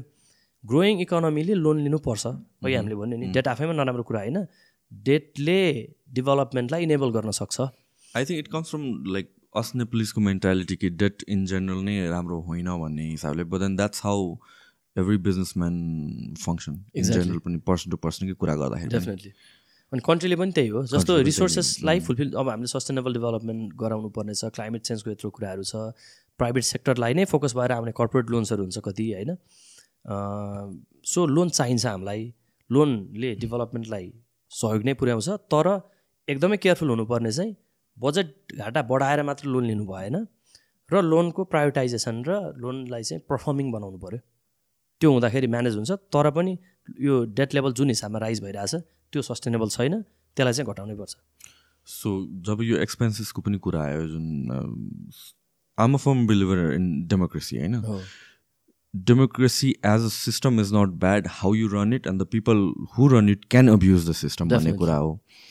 सो त्यो कुरा आउँदै गर्दाखेरि again federal system is that हाम्रो जस्तो कन्ट्रीको लागि सस्टेनेबल हो त भन्ने पनि कुरा आउँछ। यत्रो एक्सपेन्सेसहरू छ। How from purely from economics perspective how do you look at that do you think हामीलाई फेडरल सिस्टम धान्न गाह्रो भइरहेको छ? Or it just it's a good system for us use गर्न नजाने हो कि? हाम्रो जत्रो इकोनोमीको लागि त्यो अन्नेसरी बर्डन हो त्यो। अब यस्तो भयो कि हाम्रो चाहिँ यही फेडरलिजम लगायत अरू सिस्टमको कुराहरूमा होइन अब अहिले यही गणतन्त्रको कुरामा चाहिँ उठ्न थालेको छ केही कुराहरू होइन। यी सबै कुराहरू चाहिँ कस्तो के लाग्छ भने अहिले तपाईँले भने जस्तो सिस्टम आफैमा राम्रो र नराम्रो भन्ने कुरा त त्यो अब्जेक्टिभली राम्रो नराम्रो भन्ने भन्न छुट्याउन गाह्रो छ। डेफिनेटली डेमोक्रेटिक भ्याल्युज बोकेर हिँडेका छौँ हामी रिपब्लिक सिस्टम छ हामीसँग होइन। त्यो आफैमा पोजिटिभ छ त्योबाट रिभर्स हुने भन्ने कुरा फिजिबल पनि छैन नेसेसरी पनि छैन।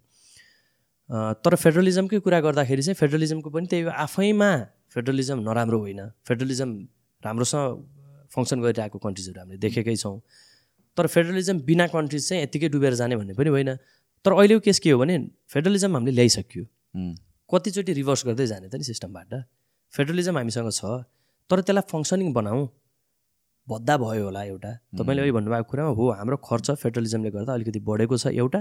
अर्को बिचमा प्रदेश सरकारले गर्ने काम के हो भन्ने कुरामै क्ल्यारिटी नआएको जस्तो भइरहेको एक्ज्याक्टली आई थिङ्क जुन कामको लागि फेडरल सिस्टम चाहिन्छ त्यो त डेलिगेट गर्नको लागि हो र डेलिगेसन नै प्रपरली भएको छैन भनेर भनेपछि it's just you're buying a machinery जुन चाहिँ हेभिली इन्भेस्ट गरिसक्यो अनि त्यसबाट रिटर्न्स नै आएको छैन कि जस्ट बिङ वेस्टेड त्यहाँ फ्रिज भइरहेको जस्तो भयो कि। एकदमै। तपाईँको स्विजरल्यान्डमा नि फेडरलिजम छ होइन? एकदमै सानो कन्ट्री हो।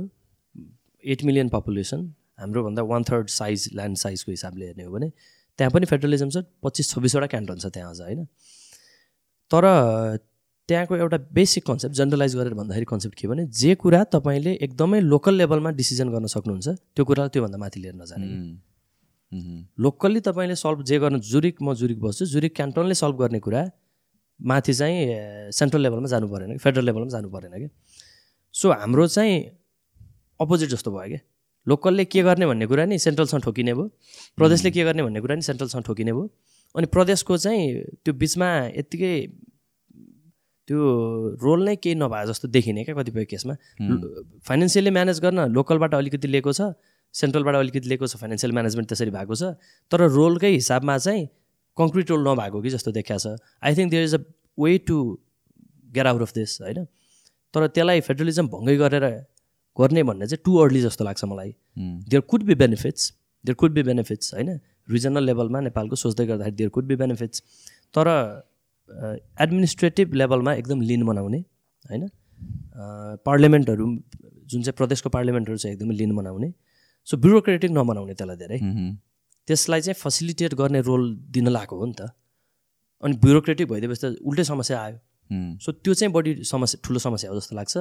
There is definitely way to work out it just seems like bad प्यारेन्टिङको example जस्तो कि अब एउटा सानो बच्चालाई टिनेजलाई चाहिँ समातेर एभ्रिथिङ यो गर यु नर एभ्रिथिङ कन्ट्रोल गर्छ तर the the child is like twenty five year old and still पेरेन्टले control गरेर चाहिँ यो गर नगर इट्स इट्स सेम इक्जाम्पलमा देख्छु कि म एकदम एकदम होइन मैले चाहिँ त्यो इन्टरभ्यूहरू हेरेर हुन्छु पृथ्वी सुब्बा गुरुङ पहिला चाहिँ यता अन्त मुख्यमन्त्री भइसकेको मान्छेहरू पनि फेडरलिजम नराम्रो होइन तर जुन किसिमको क्ल्यारिटी छ जुन किसिमको रेस्पोन्सिबिलिटीको डिभिजन्सहरू छ यो सबै कुराले हेर्दाखेरि चाहिँ त्यसले इनएफिसियन्सी लिएर आएको त्यसमा वर्कआउट गर्नुपर्ने छ भन्ने उनीहरूको सजेसन देख्छु मैले which I think is quite valid you know so त्यसमा चाहिँ अलिकति क्ल्यारिटी लिएर आएर त्यसलाई चाहिँ त्यो बोर्डर चाहिँ राम्रोसँग तानिएको छैन जस्तो लाग्यो। सो आई थिङ्क कभर गरेर जस्तो के छुटेछ? कभर गर्न यसमा? छैन आई थिङ्क धेरै कुरा कभर गरियो होइन? लोकल ग्लोबल इकोनोमीको कुराहरू धेरै कभर गरियो yeah I think lot of things we touch होइन? मेबी कति कुरामा क्ल्यारिटी भयो भएन थाहा छैन तर we we did definitely cover a lot of topics it was definitely helpful I think एकदमै लेम्यान टर्म्समा एक्सप्लेन गर्न सक्नुभयो र आई त्योभन्दा पनि मोर इम्पोर्टेन्ट त्यसको रियल वर्ल्डमा what does that means these numbers these trends भनेर चाहिँ के हो? कन्सिक्वेन्सेस चाहिँ के हो? भन्ने हिसाबलेमा चाहिँ क्ल्यारिटी छ जस्तो लाग्छ. Thank you so much for coming I hope it was a wonderful episode for the viewers as well. And thanks to you for for inviting me. It was a lovely conversation एकदमै interactive एकदमै रमाइलो लाग्यो कति मिनटको कति घन्टाको मलाई थाहा छैन एकदम रमाइलो भयो रमाइलो चाहिँ है थ्याङ्क यू